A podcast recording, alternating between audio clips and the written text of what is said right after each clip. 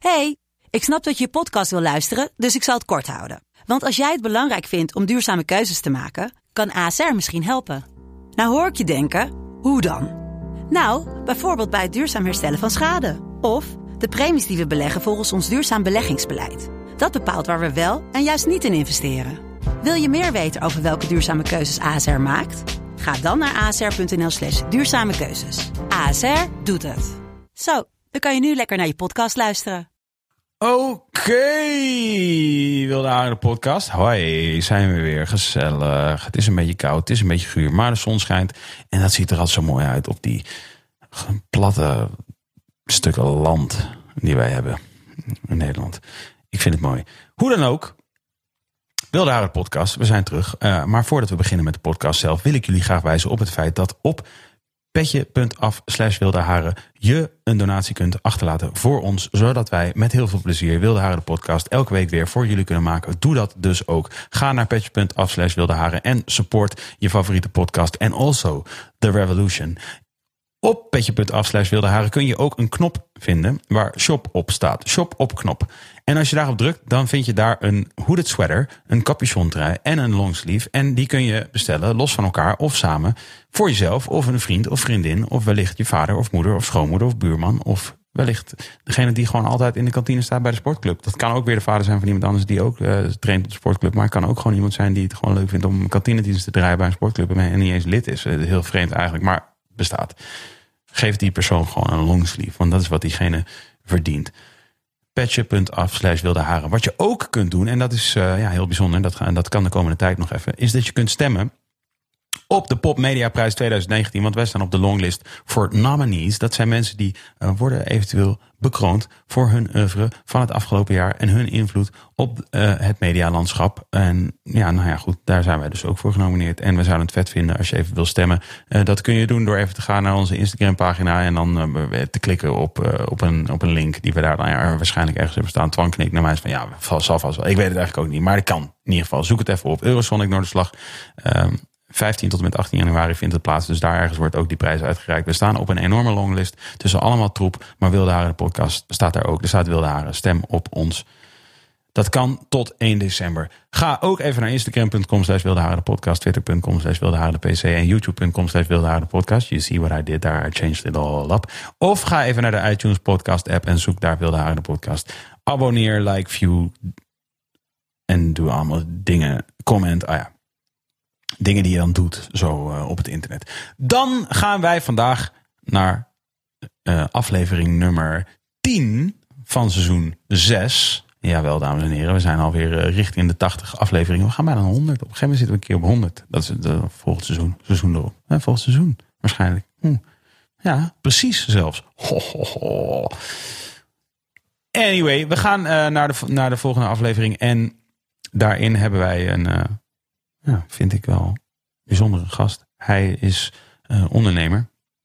Dat is al zijn hele leven. Dat is ook een beetje wat hij, uh, wat hij gaat uitleggen. Hij is een van de oprichters en uh, eigenaren van Young Capital, het uitzendbureau. En dan denk je, uitzendbureau, uitzendbureau, uitzendbureau. Ja, maar dit zijn wel echt hele bijzondere mensen die er toch wel, vind ik, speciale ideeën op nahouden wat betreft um, het ondernemen en het leidinggeven en het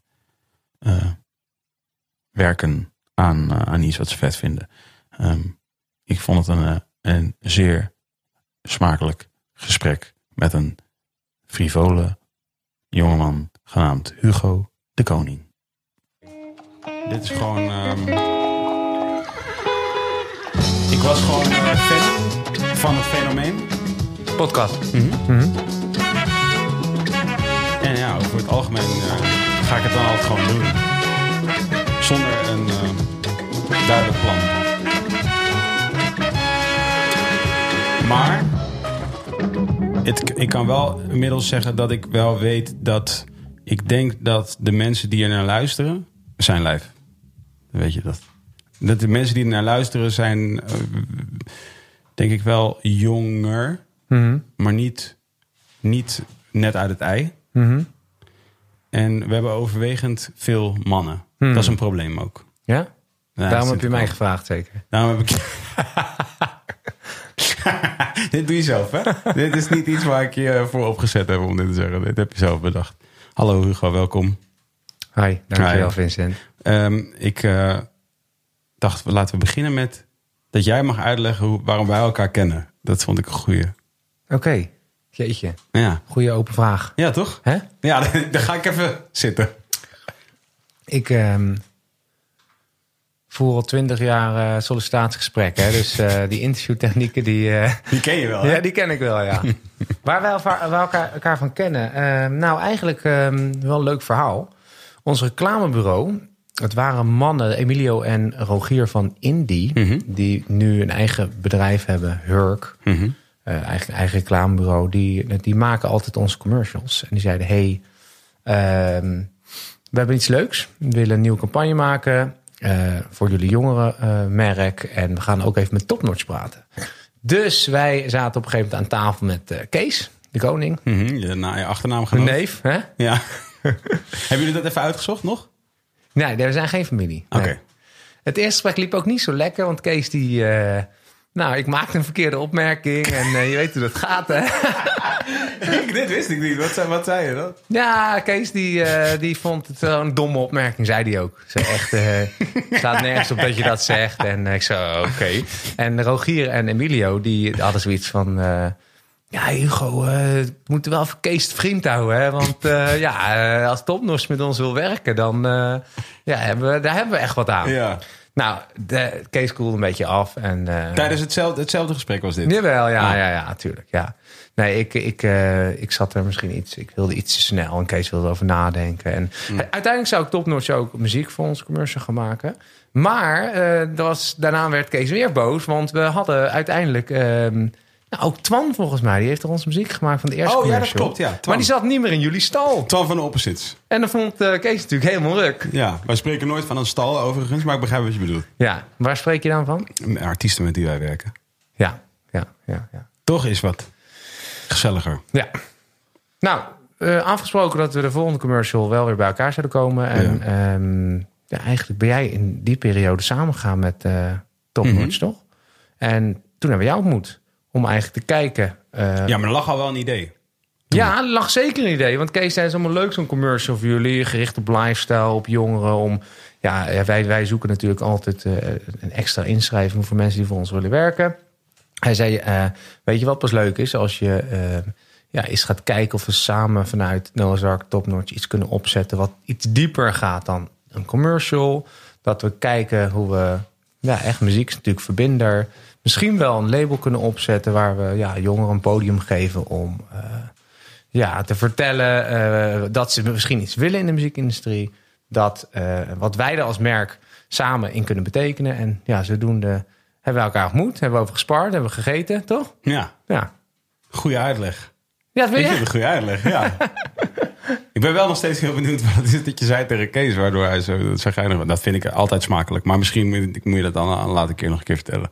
Nou, vind je het verrassend dan dat... Uh... Nee, helemaal niet. Nee, oké. nee. maar ik vind het wel altijd leuk om over te horen, moet ik wel altijd zeggen. Vind ik wel gezellig. Ja, misschien uh, kom ik er straks achter. Wat maar, ik zei. Uh, Young Capital. Uh, zijn, zijn, jullie, zijn, hoe, hoe, hoe verhouden jullie je tot alle andere uitzendbureaus qua grootte? Um, nou ja, ik denk dat wij wel de grootste jongere uitzender zijn van Nederland. Uh, als je overal kijkt, kijk, je hebt natuurlijk een aantal grote spelers, vooral Randstad, Tempo Team. Ja, die zijn echt nog wel drie, vier keer groter als dat wij zijn. Maar die zenden ook heel veel mensen uit die uh, ja, buiten onze doelgroep liggen. Ja, ja. Dus uh, qua jongeren zijn we het grootste. Je hebt een paar Amerikanen, hè, Manpower, Adecco. Daar zijn we ongeveer even, we zijn even groot als die partijen. Maar Randstad natuurlijk uh, Nederlandse glorie. En die uh, ja, loopt gewoon ver voorop. Maar die zijn ook al 60 jaar bezig en wij 20 jaar. Ja, dus je hebt nog tijd. We hebben nog genoeg tijd, ja. ja. voor de duidelijkheid, voor de mensen die luisteren. Wij, hadden dus, wij gaan aanstaande vrijdag zijn wij weer samen bij ons kantoor. En dan gaan we uh, luisteren en praten met jonge mensen die um, nou, ons vragen gaan stellen. En met wie we gaan praten over, over werken in de industrie en, de en ondernemers en ondernemerschap en al dat soort dingen. Right? Absoluut, ja. En uh, dat is heel cool en dat is, dat is aanstaande vrijdag. Maar dat is eigenlijk naar aanleiding daarvan dacht ik eigenlijk van, of we hadden het er al een keer over gehad, van misschien is het wel een keer leuk om in, om in de podcast met elkaar te spreken. Omdat ik wilde dat even voor de duidelijkheid, dat iedereen weet dat wij inderdaad met elkaar samenwerken. Maar dat ik ook inmiddels met jou een paar gesprekken heb gehad, waarvan ik dacht van, volgens mij is het ook heel tof voor mensen om te horen ja, hoe jij kijkt naar ondernemerschap en hoe jij bent gekomen tot waar je bent gekomen uh, met alles wat op en eraan. En uh, om te beginnen ben ik, ik heb het een en ander gelezen over hoe je bent, hoe je bent begonnen. Maar je, je hebt, ik heb je onder andere zien zeggen dat je eigenlijk vanaf al heel jong wist dat je ondernemer wilde zijn. Of je was heel ondernemend van jongs af aan. Klopt. Wat kun je vertellen hoe dat begon voor jou? Dat je eigenlijk nu terugkijkend weet, nou, toen was ik al ondernemer. Ja, jeetje, moeilijke vraag. Kijk, mijn vader uh, die uh, is een uh, eigenlijk echt een linkse rakker, arbeider. Nou, ik ben eerder links dan rechts. Ik hou uh, niet van hiërarchie. Ik uh, ben wat dat betreft voor uh, de vooruitgang. ja, dat is zo, zo, ironisch, want dat heeft Kees dus ook. Maar jullie heten toch echt allebei de koning van jullie. Ja, mooi hè? Ja. maar mijn vader zei altijd, joh, Hugo, wat je ook doet, probeer voor jezelf te gaan beginnen. En dat is er, nou ja, van jongs af aan een beetje in, nou, niet ingestampt, maar wel van, joh, als dat lukt... Ja.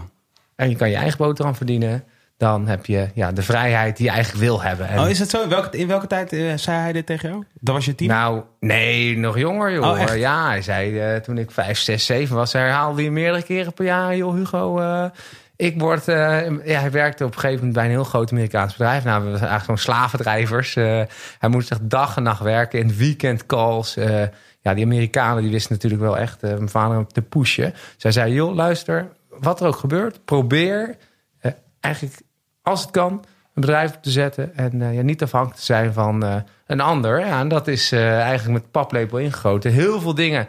Eigenlijk, als je kijkt naar ook mijn, mijn jeugd, we hebben heel veel dingen ook gewoon geëxperimenteerd. Dus van de, van de dingen die we hebben gedaan, mislukte sowieso nou twee derde. Nou, een derde lukt. Doe je wat andere dingen erbij. En dat is eigenlijk wel de story of my life. Kleine testen, kleine experimenten. En ja, niet volledig de diepte in een één ding heel goed doen, maar heel veel experimenteren. Noem eens iets dan. Ik heb een verhaal gelezen over golfballetjes. Ja, dat, uh, dat was. Uh, wij woonden naast de golfbaan. En uh, daar zag je natuurlijk elke. Nou, het is het weekend, zag je al die mensen lekker op, op de golfbaan hun balletjes in het water slaan. En ja, als je daar naast woont, weet je ook precies welke slootjes het moeilijkste zijn om overheen te slaan. Mm -hmm. Nou, dat zijn ook de slootjes die, waar je in moet duiken. Dus ja, ik was met mijn buurjongen we waren zes of zeven. Wij sprongen al nadat die golfbaan dicht was, al in het water. Uh, en met onze handen over het modder, uh, dikke snoeken en karpers die hier in de buurt zaten. Maar daar haalden we echt honderden ballen per avond uit die, uit die sloot. En die verkochten toen op parkeerterrein. dus er was al een. die wasten we ook nog met het apparaat van de golfbaan. Dus eigenlijk konden mensen hun eigen ballen terugkopen. Sigaar uit eigen doos. Ja, ja. It's the best ones. Is dat, is dat al iets wat je. Maar nu terugkijkt, kun je dan zeggen van. Want ik denk dat veel jonge uh, kinderen hè, de heidjes voor karweitjes doen en dat soort dingen. Maar zit er dan in zo'n soort model bedenken een, nog een apart talent verscholen? Anders dan dat je gewoon een kind bent die graag geld wil om snoep of een computerspelletje te kopen? Nee, nee, ik denk het niet. Ik deed gewoon. Dus um, ik verkocht ook. Uh, ik, ik heb echt elke zondag tientallen auto's gewassen, jarenlang. Ja. Nou ja, auto was 10 gulden. Deed je er een paar. Ja, had je altijd knaken. Ik heb uh, in de brommertijdperk uh, altijd brommers opgeknapt, verkocht, onderdelen verhandeld. Uh, dan had je nog de Via Via. Ik weet niet of jij dat... nee. Dat is zo'n blaadje, zo'n krantje. Van, eigenlijk een oh, voorloper ja. van Marktplaats. Ja, ja, ja, dat weet ik wel. Ja. Zo'n gele krant. En die lag altijd bij nou ja, Bruna's en... Dat was uh, altijd een leuk krantje. Die kocht ik gelijk. Ik zeg, hey, zag er iets goed, stond er iets goedkoops in... wat ik dan kon doorverkopen. En uh, die handelsgeest, die, uh, ja, die zat er al vroeg in. En hoe is dan uiteindelijk dat... Want je hebt ook nog wel een paar andere relatief... of enigszins serieuze ondernemingjes gedaan... voordat je uiteindelijk Young Capital begon te doen, toch?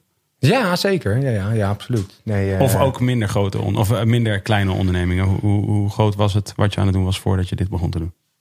Uh, ik had een. Uh, vanuit de studie. Ik ging op mijn 17 was ik klaar met de haven. Ik ging naar het HBO en daar moesten we een bedrijf opzetten vanuit de opleiding.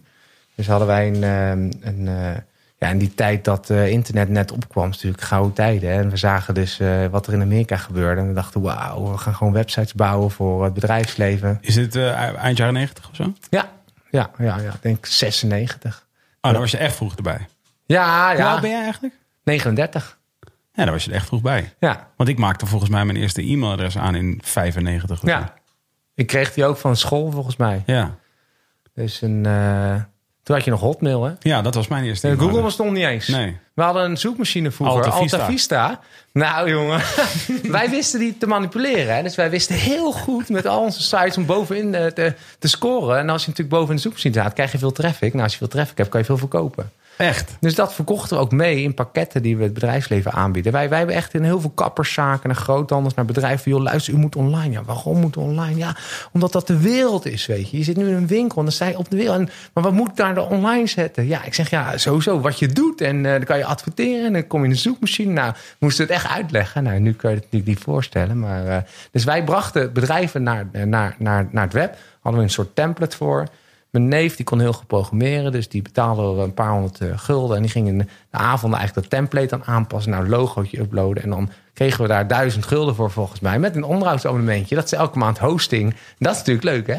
Abonnementen, dat is natuurlijk allemaal recurring omzet. Dus we waren altijd wel aan het denken van hé, hey, als je iets doet, het is leuk om eenmalig iets te verdienen. Maar het is veel beter om een soort ticker in te bouwen. Ja. Dat hadden jullie toen al bedacht. Ja, dat hadden we toen al bedacht. Ja. Dus we hadden heel veel klanten die betaalden. Hoe, hoe, kwam je, hoe kwam je tot dat soort inzichten dan? Hoe wist je dat? Hoe wist je dat dat slim was? Ja, ja. Hoe wisten we dat? Ja, als je kijkt naar eh, bedrijven die succesvol zijn. Je hebt nu de Apples en de Googles. Het zijn allemaal recurring omzet. Ze zijn terugkerende klanten. Die zijn Jawel, maar, maar dat was je niet toen toch al aan het bestuderen, of wel? Nee, maar het is wel, ja, eh, in zoverre zakelijk inzicht dat het leuk is om eenmalig iets te verdienen. eh, maar ook een autobedrijf die verdient eigenlijk aan de garage die heeft voor het onderhoud van de auto. Dus Ja. dat is wel, wel een beetje normaal zakelijk denken. Hè? Ja. De KPN die heeft natuurlijk jarenlang gigantisch geld verdiend. Die had gewoon abonnement, die had gewoon tickets, stroombedrijven. Dus nee, dat, eh, ja, dat was op zich wel gewoon logisch nadenken. En internet? Zeg maar, hoe, hoe wisten jullie destijds zo zeker dat dat het ging zijn? Want ik bedoel, inderdaad, als je nu, als je nu 18 al, of zelfs 25 bent en je luistert nu naar dit gesprek, dat je denkt, ja, eh, internet, je kunt het je al niet meer voorstellen dat het wellicht nog niet duidelijk was of het het ging worden. Maar dat was niet duidelijk per se. Ja, er waren natuurlijk heel veel sceptici. Je had natuurlijk die enorme bubbel van ehm, Maurice de Hond. Of je dat kent. Zijn bedrijf. Dat, eh, ja, dus, eh, en eh, World Online was natuurlijk een debakel. Iedereen de dupe van ja, de beurs natuurlijk instorten. Maar wij, ik, ik, ja, ik zag gelijk de voordelen van internet. Het is natuurlijk bizar dat je... Het mooie is, als je, als je natuurlijk online een bedrijf begint... kan je zo goed concurreren tegen hele grote merken. Want je bent in de wereld. En dat, dat inzicht hadden we al heel snel. Dus dat je als, als eenling of met z'n twee kan je site bouwen... kan je de wereld bedienen. En dat is natuurlijk mooi. Dan kan je, dus, je kan, vroeger kon je concurreren als je heel veel winkels had. Retail, netwerken. Ja, ja. Daarom zijn de blokkers, de HEMA's allemaal zo groot geworden. Maar online... Ja, Ja, dat is, maakt niet is, uit. is er geen concurrentievoordeel. Nee. En wij waren heel goed al in het manipuleren van Alta Vista. dus wij wisten echt... We hebben ook, ja, vroeger kon je heel veel heel erg vals spelen. Dus kon je tekst verstoppen, eigenlijk onzichtbare teksten achter je website. Dat de Die ervoor zorgde dat je hoog belandde in de Ja. zoekmachines. Ja, en heel veel verkeer kreeg. En wat waren jullie toen aan het verkopen op dat moment? Ehm, nou, ik had een bedrijf dat dus websi- websites bouwde en eh, ja, databases. Eh, dus we hadden bijvoorbeeld een hele grote groothandel waar, waar eh, die eigenlijk in zondevoeding zat. En die zei, joh, ik, ehm, we willen graag online. Onze klanten die bellen nu op. Had heel druk eh, met eh, bestellingen. En we willen eigenlijk onze voorraad online. Dus dan digitaliseerden we die voorraad. Die zetten we in een soort database en we stuurden de klant eenmalig een brief. Je kan nu online bestellen. En dat was voor zo'n bedrijf ook. Ze hadden een heel callcenter zitten. Een warehouse was niet efficiënt. En nu ging het allemaal digitaal. Dus eigenlijk bouwden we dat soort toepassing voor bedrijven. Hmm. En dat. En is het vanuit daar dat jullie iets ontdekten wat zeg maar de, de, de, de, de evolutie richting het uitzenden? Nee, nee, nee. Wat, eh, we hadden ook, was wel leuk. We hadden ook een startpagina, nog voor startpagina. We hadden een marktplaats voor. Mij- start, bestaat startpagina nu nog? Nou, weet ik niet, maar dat was wel een hit. Ja. Iedereen had startpagina. De Weet jij wat mee. startpagina is van? Ja, zeker. Oké. Ja, ik ben ook 26. Oké. Sorry. Jongens, I'm not that young. Ja, nou ja, weet ik veel. Maar, ik, ik, ik, eh, ik zie het nooit meer, een startpagina. Maar dit, Voor Marktplaats hadden we ook een uh, Marktplaats. Het heet Startmarkt. Ze vragen een aantal bij elkaar brengen. Dus we, we hadden echt meerdere sites. Of we bouwden sites voor andere bedrijven. En we bouwden ook zelf veel. We hadden ook een zakelijke marktplaats. Het heet zakelijkcontact.nl. Dan kon je als bedrijf eh, je inventaris verkopen. Goedkope computers aanbieden. Maar op een gegeven moment lieten we dat, dat, dat netwerk, die marktplaats, liet een beetje in gang gaan. En nou, er kwam vol te staan met prostitutievacatures en allemaal eh, mensen die zich eh, ja, verkochten op die site. En, Echt? Ja, toen werd Rogier, mijn compagnon, gebeld door de recherche op een gegeven moment. Ja, gast, eh, een en al bolwerk van criminaliteit jullie. Hij zei, oké. Want we moderaten dat niet. Dus dat, was gewoon vraag en aanbod. En die kon gewoon eh, iets aanbieden, maar we controleerden helemaal niet. Dus dat was een beetje aan het verwaarlozen. Dus we hebben de site volgens mij toen offline gegooid. En eh, nou, zo doen. Kijk, wat gebeurde er? We, ehm, op een gegeven moment ehm, zag je de, de opkomst eigenlijk van eh, jobboards ontstaan op het internet. En, en, en vroeger, niet dat we heel erg oud zijn, maar vanaf 99, 2000 kon je geld verdienen met ehm, eh, porno. Nou, dat deden wij niet. met, met travel, dus met reizen. en met jobs. Het waren eigenlijk mega eigenlijk, ehm, transformaties waar die uitgevers, bijvoorbeeld Telegraaf, verdienden bijna al hun geld aan personeelsadvertenties. Dat weten heel veel mensen niet. Maar op de zaterdag was de krant eh 10 centimeter dik.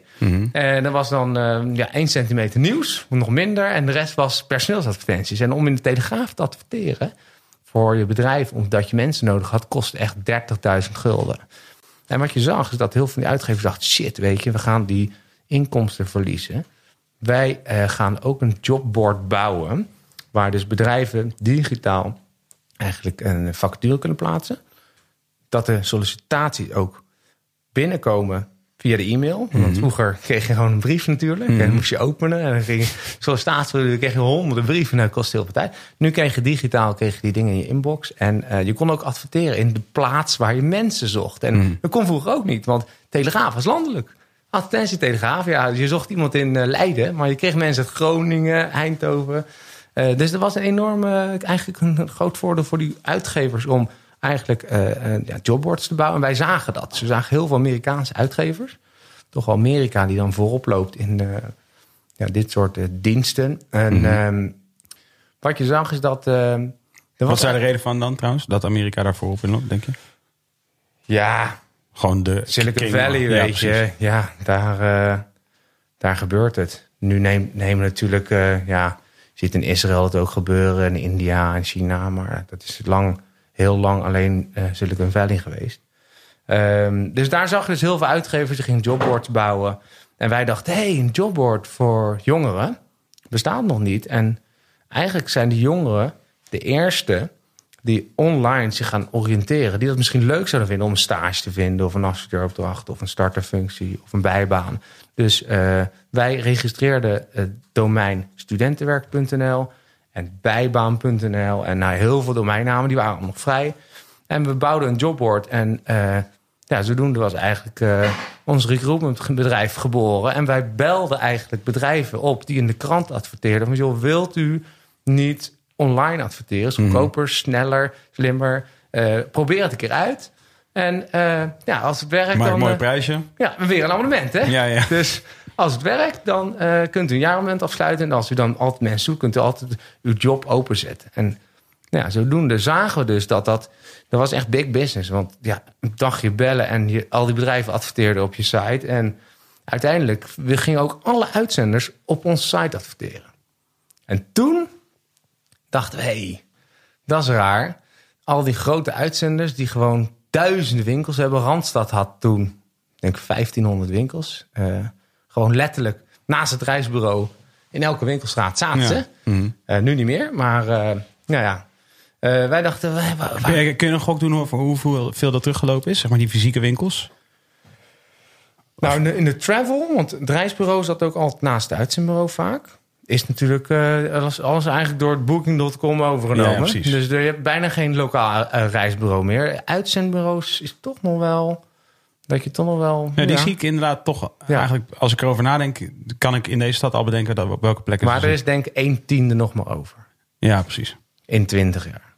Maar nog steeds, eh, ja, wij hebben ook 30 winkels of zo. Zou je zeggen, heb je niet nodig. Maar toch lokaal, even eh, als mensen vragen hebben. Ja, eh, een plek ja, ze waar gaan je toch voor je werken. kunt drinken terwijl je een vraag hebt, ja. Ja. Maar eh, die Experience rooms. Ja, ook beleving. En als mensen voor je werken, en dan moeten ze, de, moeten ze de wekker voor je zetten. En dan wil je ze even gesproken hebben. Ik wil gewoon even een vraagje tussendoor. Mhm. Dat is wat ik doe hier. Denk jij dat, dat zeg maar de, de winkelstraat zoals we die nu kennen... op een gegeven moment op de schop gaat en zo ja, wanneer? Ja, dat is natuurlijk al lang gaande. Dat, Maar dat- volledig? Ja, als ik in sommige plaatsen kijk, dan eh, is het best wel triest. Ja, ja, ja.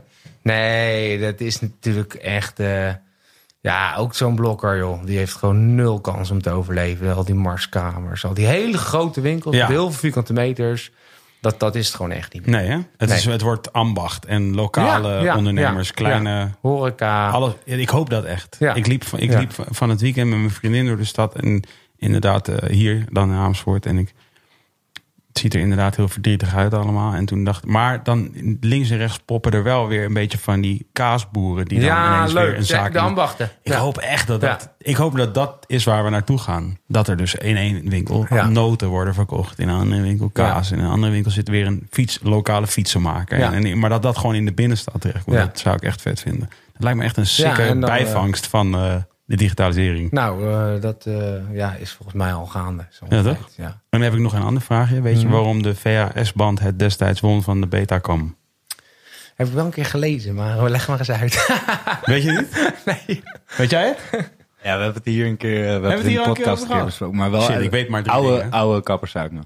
Dat- Maar je weet het ook niet meer. Ja, ik weet nog wel. Oh ja, porno.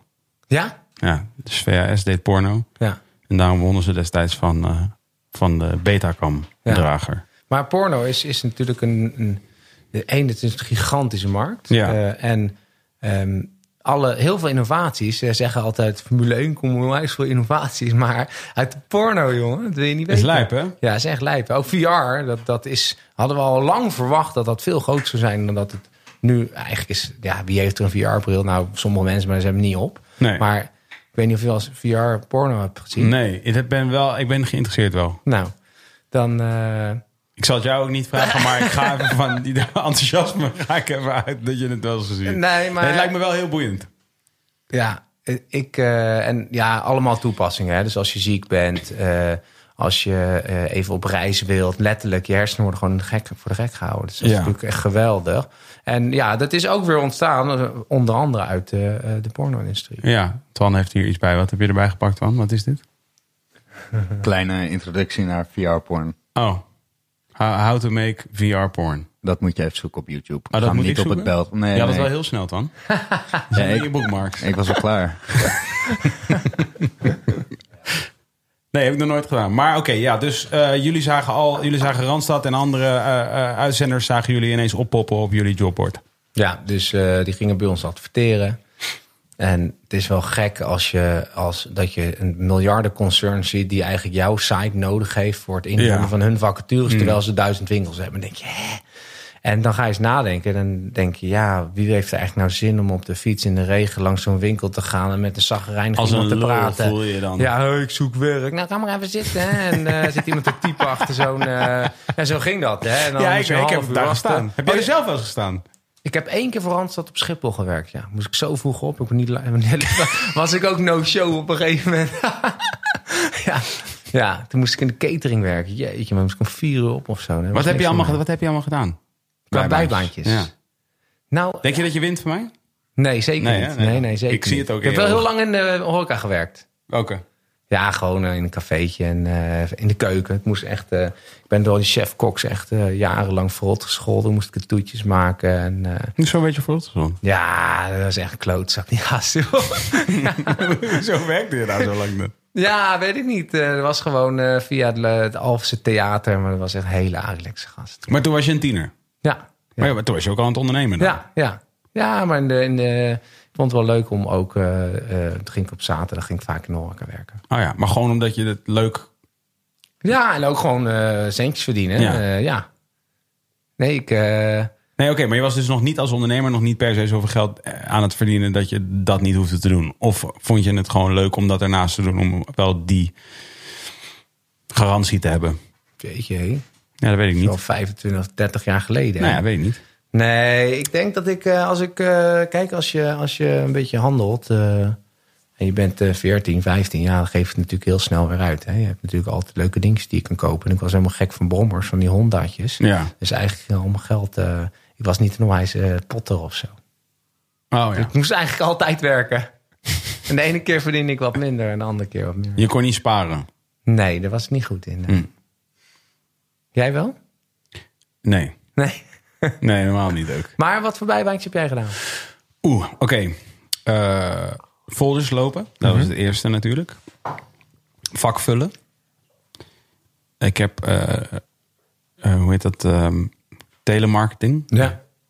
Ehm, dus voor, ja, zo'n spaaradviesachtige shit. Ja. Goede doelen werven Ja. op straat. Ja. Loop, ik heb eh, niet lopende man, maar we hebben hier een Prodent fabriek. Ik heb Ja. een keer een hele zomer lang tandpasta tubes in een doosje gestopt, doosje dichtgetaped en op een pallet gezet. Ja. En dat acht uur lang. Ja. Eh, ik heb ook in de horeca gewerkt. In een snackbar heb ik gewerkt. Hier in het theater heb ik gewerkt. Maar werk je zo vaak ontslagen dat je zo snel een nieuw Ik hield gewoon niet eh, zo lang vol. Oké. Dat Maar- je eigen motivatie. Ja, maar eigenlijk, maar niet, ook weer niet, niet lang. En ik heb daarna, zeg maar, dus dat waren een soort. En toen heb ik uiteindelijk heb ik tussen, tussen mijn, eh, mijn, tussen mijn MBO, want ik heb, ja, tussen mijn MBO en mijn HBO. Toen eh, was ik, zeg maar, ik begon, eh, ik heb vijf jaar VWO gedaan op, hier op een middelbare school. En daar ben ik uiteindelijk ben ik daar af gegaan. en toen, toen ging ik MBO doen. Maar toen was ik al wel echt een, een ongeluk waiting to happen. Op dat moment. Maar meer omdat maar ik kon mijn aandacht er niet bij houden. Ik was gewoon al andere dingen aan het doen in mijn Ja. hoofd. Dus ik had niet echt per se slechte wil. Ik had gewoon veel meer zin om andere dingen te doen. Ja. En ehm, toen ging ik MBO doen. Dat ging eigenlijk ook. Ja, dat heb ik wel gewoon gehaald. Maar dat mocht in twee jaar, omdat ik dan van het VWO kwam. Maar dat ging niet zoals je dat zou willen. Zeg maar helemaal niet als je eigenlijk dat niveau al, al moest. Ja. Eh, eh, dat moest ik eigenlijk gewoon kunnen. Met Ja. twee vingers in mijn neus. Maar ik was dat ook vervelend daar. En toen ik dat klaar had, toen eh, was mijn vader even zat. En toen zei hij, nu moet je een jaar noeste arbeid verrichten.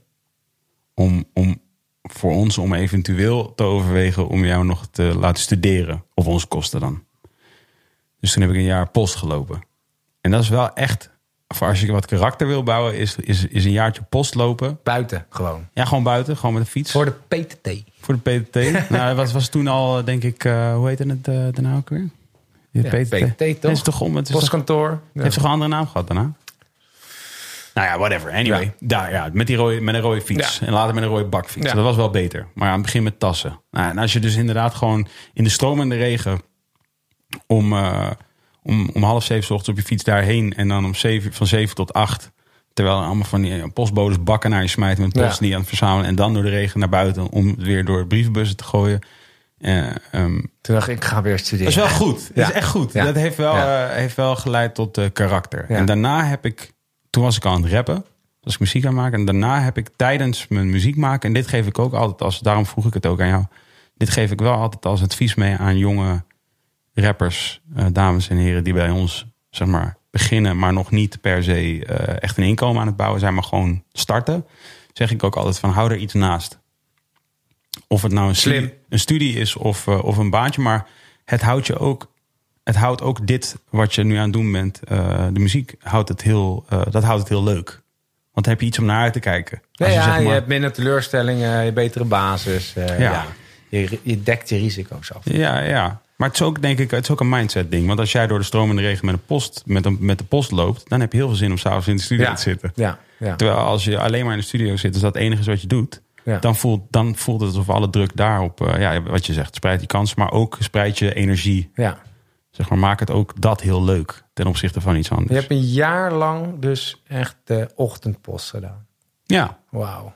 Nou ja, dat vind ik niet zo knap. Ik bedoel, sommige mensen doen dat een hele leven lang. Maar het was voor mij in ieder geval wel ontnuchterende Ja, van ervaring. het VWO naar het MBO. Dan, eh, Ja, ik wist wel wat er aan de hand was op dat moment. oh, we- je ouders niet, moet leger in? Nee, nee, Nee, mijn Dat vader heeft niet zoveel op met het Nederlands leger. Nee. Ik denk niet, eh, nee. Nee, Kijk, die heb je ook, hè? Ja. nee. Als er nog een Molukse leger bestond, dan had, was dat Ja? misschien een overweging geweest. Ja. Maar eh, nee, nee. Nee, dat was niet per se de over- Nee, en ik ben ook heel blij. Ze hebben dat goed gedaan. Ik, ik vind dat ze dat goed hebben gedaan. Toevallig zat ik afgelopen zondag nog op een verjaardag. En toen kreeg ik zo'n beetje soort zijdelings mee dat mijn moeder aan iemand anders aan het vertellen was over hoe ik uiteindelijk ben gaan studeren. Hoe, hoe zij, want ook dat is iets wat zij eigenlijk heeft geïnitieerd. Heb ik ook niet echt zelf gedaan. Kan heb ik ook wel gewoon- bedankt daarvoor? Ja, zeker. Ja, tuurlijk. Ja, tuurlijk. Ja, 100%. Altijd. Altijd. Ja, nee. Ik, denk- ik denk dat. eh, Dus dat is echt. Dat hebben, hebben ze heel goed gedaan. Maar dus toen heb ik altijd. Dus toen heb ik columns geschreven. Ik heb een radioshow gepresenteerd. Ik heb. eh, bij, dus op een school gewerkt. Zeg maar op een eh, muziekacademie gewerkt. En ik heb soort al- altijd wel. Ik heb ook altijd dingen gedaan naast het label. Eigenlijk nog twee jaar, twee jaar terug of zo werkte ik nog één dag in de week eh, op een school. Doseren. Ja, zo dat, vind, dat durf ik niet te zeggen dat dat het was. Dat vind, ik, dat vind ik niet respectvol naar de mensen die werkelijk doseren. Ik was daar gewoon. Doseren met een S, dat was ik wel aan het doen. Jezelf doseren. ja. Maar anyway, dat hield het wel fris voor mij. Oké, dus eh, dat zagen jullie. En toen dachten jullie, Karate Middleman. ja, exact. Ja. En dat was natuurlijk ehm, ook wel een beetje brutaal. Want eh, ja, eigenlijk eh, al die uitzenders adverteerden op onze site. Maar ze zeiden ook voor wie ze de mensen zochten. Dus de Dus klanten. jullie wisten van alles. En wij zagen, zagen ook welke mensen achter de schermen op die banen solliciteerden. En wij wisten ook welke mensen geplaatst worden bij die klanten.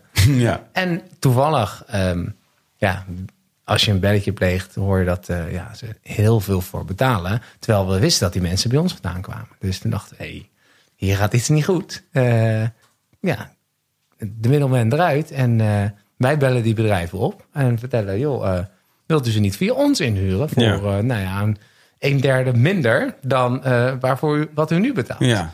Nou, nou ja, dat is Daar moeten die bedrijven die moeten daar heel blij mee zijn geweest destijds. Absoluut, ja, ja zeker, ja. Nee, ik bedoel ook die andere Randstad en zo. Nee, die waren, eh, die waren dus heel snel kwamen ze erachter en gingen ze al die vacatures Ja. gingen ze anonimiseren. Dus voor een toonaangevend eh tam, eh, tandpasta-bedrijf in Amersfoort. Ja, daar kwam je natuurlijk ook al heel snel achter welk bedrijf dat was. Hè? Dus eh, ja. Nou, uiteindelijk zijn we dus echt gaan uitzenden en hebben we ook al die, ehm, ja, die, die collega's, hè, hoe je ze nu noemt. We werken heel veel samen op heel veel opdrachten. Ja? Ja, ja zeker. Ja, ja. Het is niet een enorme. Je moet ook vaak samenwerken, want vaak zoekt een bedrijf zoveel mensen dat je eh, wel twee of drie partners hebt eh, waarmee je dus samen de sourcing doet van alle uitzendkrachten. Oké, dus dat is gewoon een heel gezellig, dat is gewoon best wel Ja, gezellig. dit is, eh, er is weinig.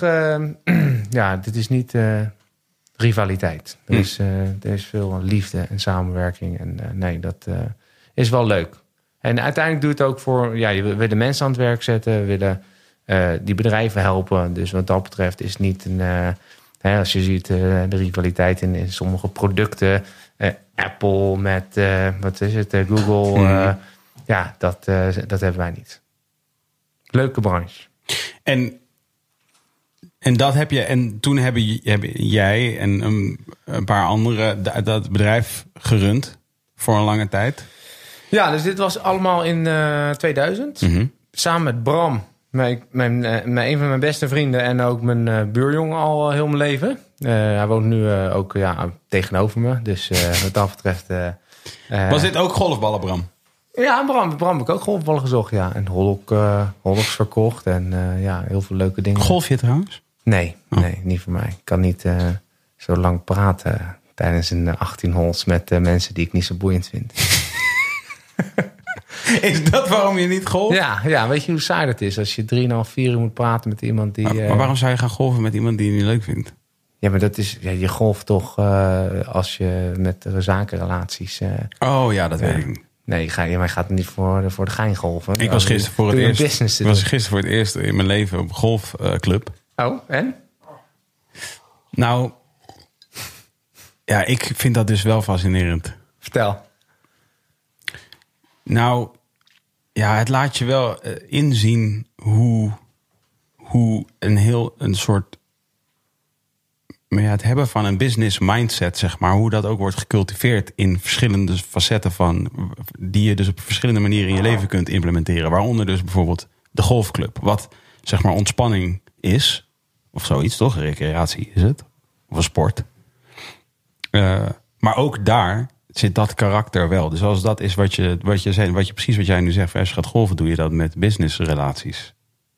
Of je bent oud en je wil lekker bewegen en in eh, buiten lopen. Mijn Ja. moeder is ook sinds een paar jaar aan het golven. En die is dan, wat is het, eh, sowieso met pensioen. Ja. Die vindt het lekker om buiten te lopen. Maar die, die doet meer om te bewegen en een kopje koffie te drinken met mannenlief. Ja, nou, ik moest gewoon nadenken over van toen.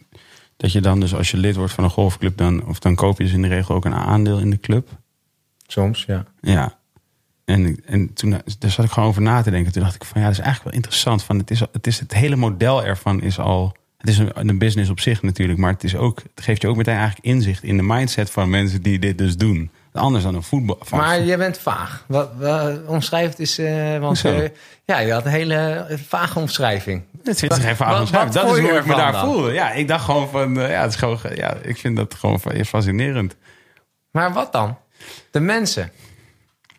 Je moet wel iets En de duidelijker sfeer. zijn, hè? Ja, wat, nee, nee, wat dan? nee, Welke ja, nee, is gewoon, het is moeilijk uit te leggen. Nou ja, kijk, ik, ik loop daar dan. En dan bijvoorbeeld ben ik, laat ik zeggen, ik, ik was in de, ik, was, ik ging even de wa- wandeling met Jordi hele club maken. Ik ben, was niet, ben overigens niet van plan om lid te worden. Ik was daar gewoon. En ik werd, iemand zei van, eh, kom maar, loop even een rondje. Ik zei, oké, is goed, loop een rondje. En uiteindelijk ben je dan bijvoorbeeld in, was ik in de kleedkamer. Toen dacht, toen dacht ik letterlijk bij mezelf, dacht ik, zo, de kleedkamer van deze golfclub heeft, had dus sauna's, onder andere, nat en droge en douches en al die dingen. En toen dacht ik van deze, de, de, de kleedkamer van deze, van deze golfclub is in principe luxer en beter uitgepakt dan, dan misschien zeg maar sommige spa's die ik wel eens heb gezien. Ja. In feite. Begrijp je ja, wat ik bedoel?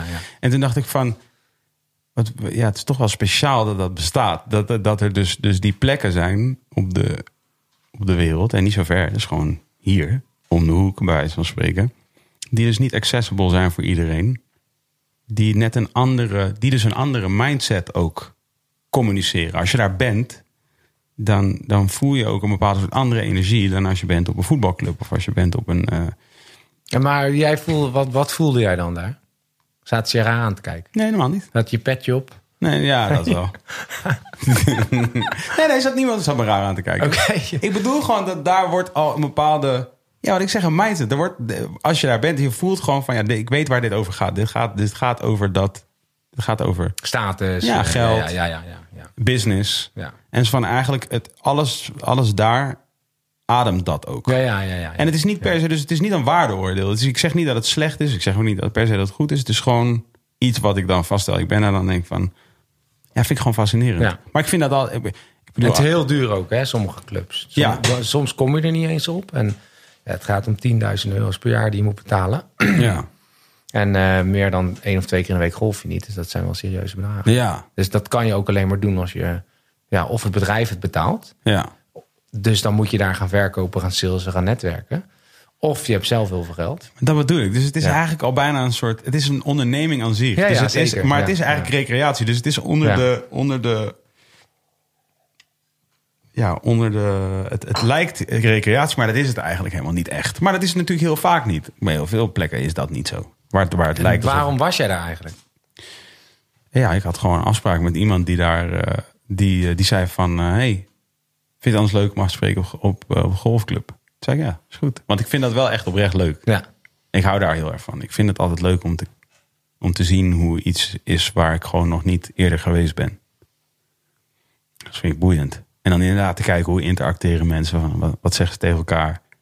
Inderdaad, hoe welkom zijn ze? Want ik moet zeggen, ik werd heel vriendelijk. Verwelkomd door iedereen. Deed het. Ja, ja, iedereen was heel ja. aardig. Goede service. En dacht dat jij natuurlijk ook zoveel geld betaalt. Ja, ja, dat, ja, dat ga je dus dan afvragen. Ja, dat vind ik ook altijd ook Ik mooi. heb trouwens een leuk verhaal. Bram, die golft wel heel veel. En Ja. die doet er ook goede zaken. Bram is mijn compagnon. Ja. En Bram had een splinternieuwe Porsche. Echt gewoon supermooi. Echt de mooiste die er is. Ja. En die rijdt op zijn golfclub. En het was echt zo'n mega hek ook, weet je. Maar zo'n speedgate.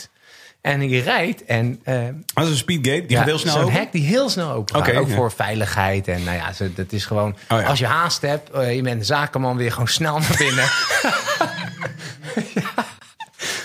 Ze hebben een speedgate voor hun eh cliëntelen.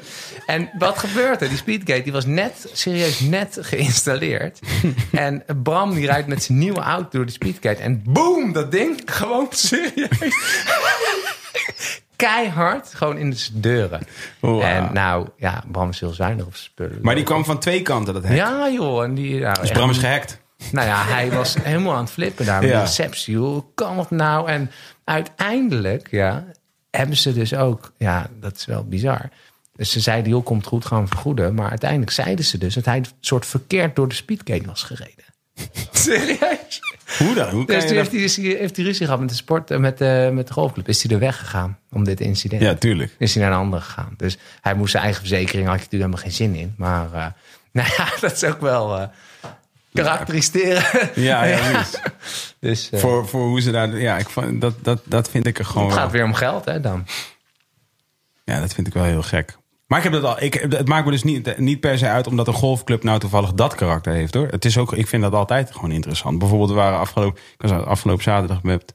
Nee, vrijdag ging met mijn vriend uit eten en daarna zijn we naar meerdere kroegen hier geweest. Dus we zijn hier naar een poolcafé geweest. We zijn naar een theatercafé geweest.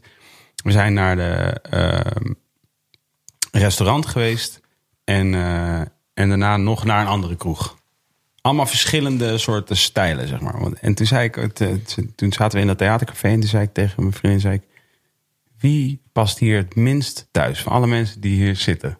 En er waren, dus, zeg maar, er was net een theatervoorstelling afgelopen. Dus er waren net een stuk of 150 mensen die zaal in, in het café ingegaan, zeg maar. En het viel mij gewoon op, je ziet, weet je, theatermensen. Sjaaltjes, Ja, ja. weet je wel, brilletjes, een beetje gekke mutsjes of petjes. ja, en, ja. Korte haren. puntige, van die puntige eh, rode schoenen. Ja. Of in ieder geval al bepaalde, vaak gekleurde, Ja, ja. Hè, gekleurde, Gekleurde bril kleding, ook, gekleurde bril, bril, gekleurde bril. Is zo lijp. Het is alsof mensen gewoon... Ik vraag me dan altijd, wat de kip of het ei toch? Van, bedenken deze mensen dat ze graag hierbij willen horen en zijn ze daarom zo gekleed? Of zijn ze zo gekleed omdat ze hierbij horen? Begrijp je? Dat vind ik altijd vet om, te, om, te, om, te, be- om aanschouwen. Mensen En kijken is mooiste wat er is. Hè? toen zei ik tegen mijn vriendin van, wie, past, wie hier past het minst hier thuis? En toen was ze zo aan het rondkijken. Jij? En bedoelen ze jou. Ja, Ja, mooi. Toen zei ik, ja. Dat, zei ik, ja, dat, dat denk ik ook. En, zei ik, en in het restaurant toen straks, waar we toen straks waren. Ja, ook jij? en toen zei ik, ja, dat denk ik dus ook. Maar dat vind ik vet. En daar ben ik, dan, daar ben ik echt oprecht dan trots op. Daar ben ik trots op. Dan denk ik van, oké, vet. Ik pas niet echt ergens. Niet specifiek. En natuurlijk, jij zal wellicht denken van, nee, jij bent toch hip-hop, een hip-hop guy. En dat ben ik ook wel nu. Of tenminste, nu, van nu zoals ik er nu zo bij zit, dan is dat ook wel zo. Maar kan ook heel prima daar weer niet per se passen. Maar wat zegt het dan over jou dat jij dat ook zo voelt? Dat ik, dat ik, eh, dat ik er niet per se pas? Ja. Ja, weet niet. Ik, ik, ik, ik vind het, weet ik niet. Leuk om, eh, om eh, fluïde te zijn. Flexibel of zo. Dat je gewoon kunt, eh, je kunt gewoon- Kijk, want je, je, ehm, je past misschien niet, maar je bent er wel. Dus ja, als je er bent, dan pas je er ook. Toch? Anders zou je er niet zijn. Nee, nee, nee. Ja, interessant. Ja, ja. Toch? Je kan iets wat niet past, kan er ook niet zijn. Ja, of misschien pas je er wel, maar denk je dat je er niet past. Ja, dat is ook zo. Nee, ik zeg niet dat ik er niet pas. Ja. Ik vroeg, Maar zo voelt aan het mijn- wel. ik vroeg aan mijn vriendin, wie past er het minst bij? Als je kijkt naar puur de profielen van deze mensen. Ja. Nou, dat, dat, dat was het. Dat vind ik gewoon grappig. Ik weet niet meer waarom. we- Oh ja, golfclub.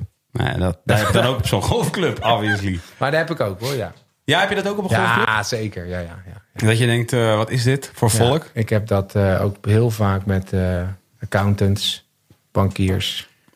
Dan, eh, ja, het zijn heel veel klanten van mij, maar ik, ik pas niet in die cultuur. Echt niet. Hoe zou je die cultuur omschrijven wat er zo, wa- waardoor je er zo slecht in past? Nou, ehm, ik, ehm, ja, de, de, alleen al de, de status joh, die je hebt als je directeur bent, eh, directieplekken eh, met bordjes eh, bij de voordeur, zoveel regels, processen. nee, dat is. je wordt gestraft als je een fout maakt. Nee. Maar jij hebt dus wel een hele lange tijd, was je directeur, toch? Ja, klopt. Maar De vraag is of we dat heel goed deden. Hè? Nou ja, niet onverdienstelijk, toch? Of, heb je het, Nee, of zou je zeggen nee, dat je nee. het onverdienstelijk hebt gedaan? Nee, dat klopt. Maar wij zijn. Hè? Dus, dus onze assets, onze, eh, ja, ons onderscheidingsvermogen, dat zijn de mensen. En, eh, kijk, als je een bedrijf bouwt, een cultuur komt van, gaat van boven naar beneden. Dus ons gedrag, letterlijk ons gedrag, dat wordt gewoon gekopieerd. Dus dat, is- dat is overal zo.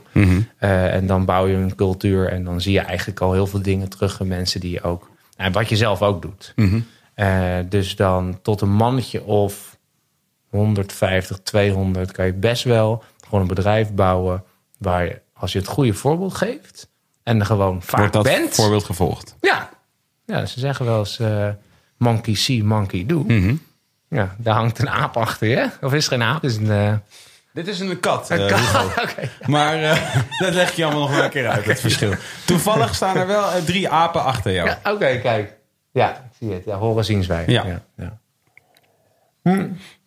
Maar dus dat gaat dan best wel organisch. En kijk, ik heb al twee compagnons gehad, nog steeds. Die eh, wij enorm, ja, wij zijn echt vrienden. Mhm. Wij versterken elkaar enorm. We weten ook waar we veel beter in zijn dan de ander. We zijn eh, wat dat betreft, eh, ja, het is een driehoeksverhouding. Eh, als het over ja, HR, finance gaat, dan weet Bram dat gewoon het beste. Gaat om online marketing, creativiteit, techniek, weet Rogier dat beter. Gaat om klanten, marketing, een beetje de voorkant van het bedrijf. Ja, weet ik dat vaak beter. En dat is een hele duidelijke rolverdeling Ja. die wij hebben. Je zou denken dat het, of laat ik het zo zeggen, de, de, eh, de business en de, en de, en de pleasure, of eigenlijk de, de het privé hè, en, de, en de business moet je niet mengen. Dat is, dat is niet opgegaan voor eh, jou. Nee, in ons hele bedrijf niet, joh. Nee, hè? We hebben echt, eh, er ontstaan zoveel relaties op, in ons bedrijf. Dat vind ik juist mooi. Je Ja? hebt ook bedrijven, waar je ontslagen. Hè? Als je, ja, één van de twee moet dan weg. Ja, het slaat er helemaal nergens op. Nee, maar heb, is, heb je nooit, heeft dat, is dat nooit een zorg geweest bij, eh, bij jullie? Dat je, Nee, jullie nee. dachten van, ah, we zijn vrienden, is wel kut. Als er iets misgaat in de vriendschap, gaat het ook mis in een bedrijf Nee. of andersom? Nee. We hebben daar, eh, ja, de, we, stonden, we staan daar ook niet bij stil, joh. Eh, en het mooie is wel, als je met z'n drieën bent... Dat is, wel, dat is wel de sleutel geweest ook voor onze ja, groei. En waar we nu staan is... Als je met z'n drieën bent... Ik, mijn tip ook altijd als je een bedrijf wil beginnen... doe het in je eentje of met z'n drieën. Met z'n tweeën krijg je altijd mot. Want je hebt ook vaak alle twee gelijk. Oh ja. En als je een bedrijf bouwt, ben je een mannetje. Hè, eh, ja, je, hebt, eh, je bent jong, eh, testosteron, gaat niet zo snel toegeven en alle twee gelijk. Nou, dat is vaak lastig. Of moet je heel duidelijk rollen verdelen. Maar er komt een dag, ik heb zoveel voorbeelden gezien van gasten die met z'n tweeën zijn begonnen. Ehm, echt van scratch, hè. Ehm, dat, dat loopt gewoon in de soep. En met z'n drieën, kijk, wij hebben ook wel vanaf dag één de afspraak gemaakt, luister als, als het 2 tegen 1 is, leg je er gewoon bij neer. En dat kan je ook, weet je. Als, wij kunnen dat heel goed. Oké, nou. En dan niet eh, over drie maanden. Ja, zie je ook wat gelijk. ja. Nee, dan, dus dat hebben we ook nooit gedaan. Dus dat eh, ja, werkt voor ons heel, heel lekker. Dat is wel vet. En, als dus, en relaties in het bedrijf is ook gewoon helemaal prima. Ja, ja, het is juist leuk. Want eh, er wordt super hard gewerkt. Ehm, ja, en eh, logisch dat je op het werk eh, eh, ja, de liefde kan ontmoeten. Eh, want eh, je bent er eh 10, 11, 12 uur per dag. Zeker als je een bedrijf bouwt. ja, je hebt geen zin meer daarna om te stappen. Ja, we hadden natuurlijk ook... eh, vooral vroeger had je natuurlijk niet al die dating apps. Nu is het misschien wel wat makkelijker om eh, te connecten. Maar eh, ja, nee, maar eh, dat, dat eh, wordt bij ons eh, nou ja, niet gestimuleerd. Maar ja, dat is gewoon het Ja, is. het is ook een sociale plek. Is, Ja, en dat mag het ook gewoon zijn. ja, ja, en kijk, het is een beetje on- onlogisch als, als je ehm je baas bent of een manager ergens. En dan dat je... Ja, met iemand. Ja, Ja. dan, dan ze- zeggen we wel, joh, prima. Maar ga dan even naar een andere vestiging of zo. Ja, Ja, want dan eh, ja wordt het een beetje ongemakkelijk. dat is raar. Ja, Ja. Dat is wel een beetje revolutionair, toch? ja, Is dat iets wat jullie, is dat iets wat jullie, ook dat jullie ook vrienden waren? En ik kan me voorstellen, dan deel je ook idealen en dat soort dingen. Tenminste, dat heb ik met mijn vrienden. Is dat ook iets waar jullie, wat jullie ook per se, wat jullie een plek wilden geven, zeg maar, in het bedrijf? Of is dat gewoon iets wat ontstaan is? Nee. Het is gewoon ontstaan. Ehm dat hebben we niet, het is niet een ideaal of zo. We hebben wel... ehm, kijk, een ideaal wel van ons is... als je geen plezier hebt op je werk... dan kan je ook niet het maximale uit je mensen halen... uit je bedrijf halen. Dus toen wij dit bedrijf begonnen... ehm, ja, was gewoon de, de fun om, om en, en te lachen. eh, ook een beetje brutaal te zijn, een beetje gek doen. eh, een beetje fouten maken, vallen, opstaan. Dat is, ja, dat heeft altijd centraal gestaan. Nu nog steeds, weet je. Sommige dingen lopen helemaal in de soep. En dan ja, moet je er dan op dat moment even niet om lachen. Maar als je het daarna hebt gefixt en je weet van, joh, dit gaat ons geen tweede keer overkomen. Dan kunnen we er super hard om lachen wat, eh, wat er dan is gebeurd. Heb je er een voorbeeld van? Ja, genoeg voorbeelden, joh. We hebben... Ja, laatst nog eh, komt er een sollicitant voor een best wel belangrijke functie. eh, die, Bij jullie. Nee, niet bij ons. Hoorde ik dan op een vestiging. Maar Oh, dat hadden wij vroeger toen wij natuurlijk eh, nog gewoon eh, ook mee recruiten. Hadden we ook zo vaak. En dan zijn ze bijvoorbeeld iemand vergeten in een intakekamer. En die zit serieus zo'n 2,5 uur te wachten. Gaat het licht uit van de vestiging. En, en op een gegeven moment horen ze gewoon zo'n heel lief meisje. Hallo. Dus die tweede pest. Nee, dat kan. En, en ook, waarom heb je niks gezegd? Ja, jullie zeiden, wacht hier maar, weet je. En dan zulke dingen die, eh, ja, die gebeuren gewoon, weet je. En dat is gewoon, eh, ja. Kan je achteraf, dat is best wel bizar dat je dat dan, eh, dat je ook denkt, hé, maar waarom heeft die persoon niet na een half uurtje gezegd, joh, eh, hallo, ik zit hier. Eh, Dus eh, dat zijn leuke dingen die Maar jullie hebben dat karakter zeg maar, van een beetje brutaal en een beetje gekkigheid en dat soort dingen. Hebben jullie ook best wel deel gemaakt van dat wat Young Capital is, zeg maar. Ja. Toch naar Ja. buiten toe. Ja. En, maar is dat wel is dat iets van jullie drieën of is dat ook iets van wat en nu de mensen zijn die, die ook de leiding geven aan een bedrijf?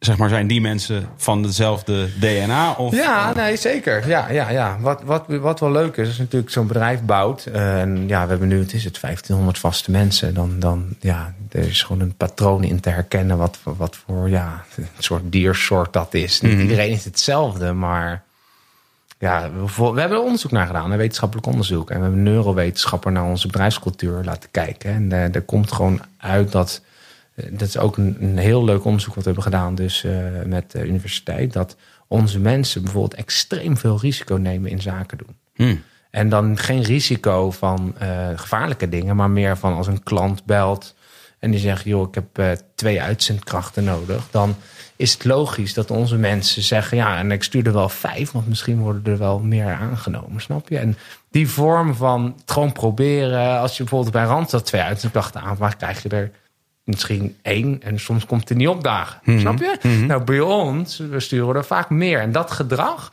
dat zit gewoon in, in, in, ja, in, in de haarvaat en in, in het gedrag van eh, mensen die bij ons werken. Dat is wel heel tof. En dat hebben jullie ontdekt. Dus dat is helemaal niet Ja. iets wat jullie per se zelf Ja. op aangestuurd hebben. Dat is gewoon het resultaat geweest van Ja. En het jullie mooie eigen. is ook dat die cultuur nu eigenlijk soort vaststaat. En iedereen die bij ons start, die na een sollicitatiegesprek eh, ook denkt van nou, ik zou wel voor Young Capital willen werken. Die ehm, moet ook dat ja, assessment doen. Om te kijken of die past bij de Oh ja. values. Of Ja, want inmiddels is het nu zo van... oké, dit is nu wel wat we zijn. Dus Ja. nu moet je passen. Ja, nu moet je passen, anders eh, word, je, word je zelf niet blij bij ons. Ja, precies. Ja. En het is wel heel leuk, want je hebt ook vier culturen waar je als mens eigenlijk in ja, kan gedijen. Mhm. Je hebt dan, dat noemen ze elkaar, je hebt een clancultuur, een ad hoc cultuur. Nou, ik ben wel benieuwd wat voor cultuur eh, ook bij jou op kantoor. eh. maar als je bijvoorbeeld een, ehm, een ehm, de ad hoc, nou, of de clancultuur. eh nou, bijvoorbeeld, nee, Albert, Ahold, Albert Heijn. Mhm.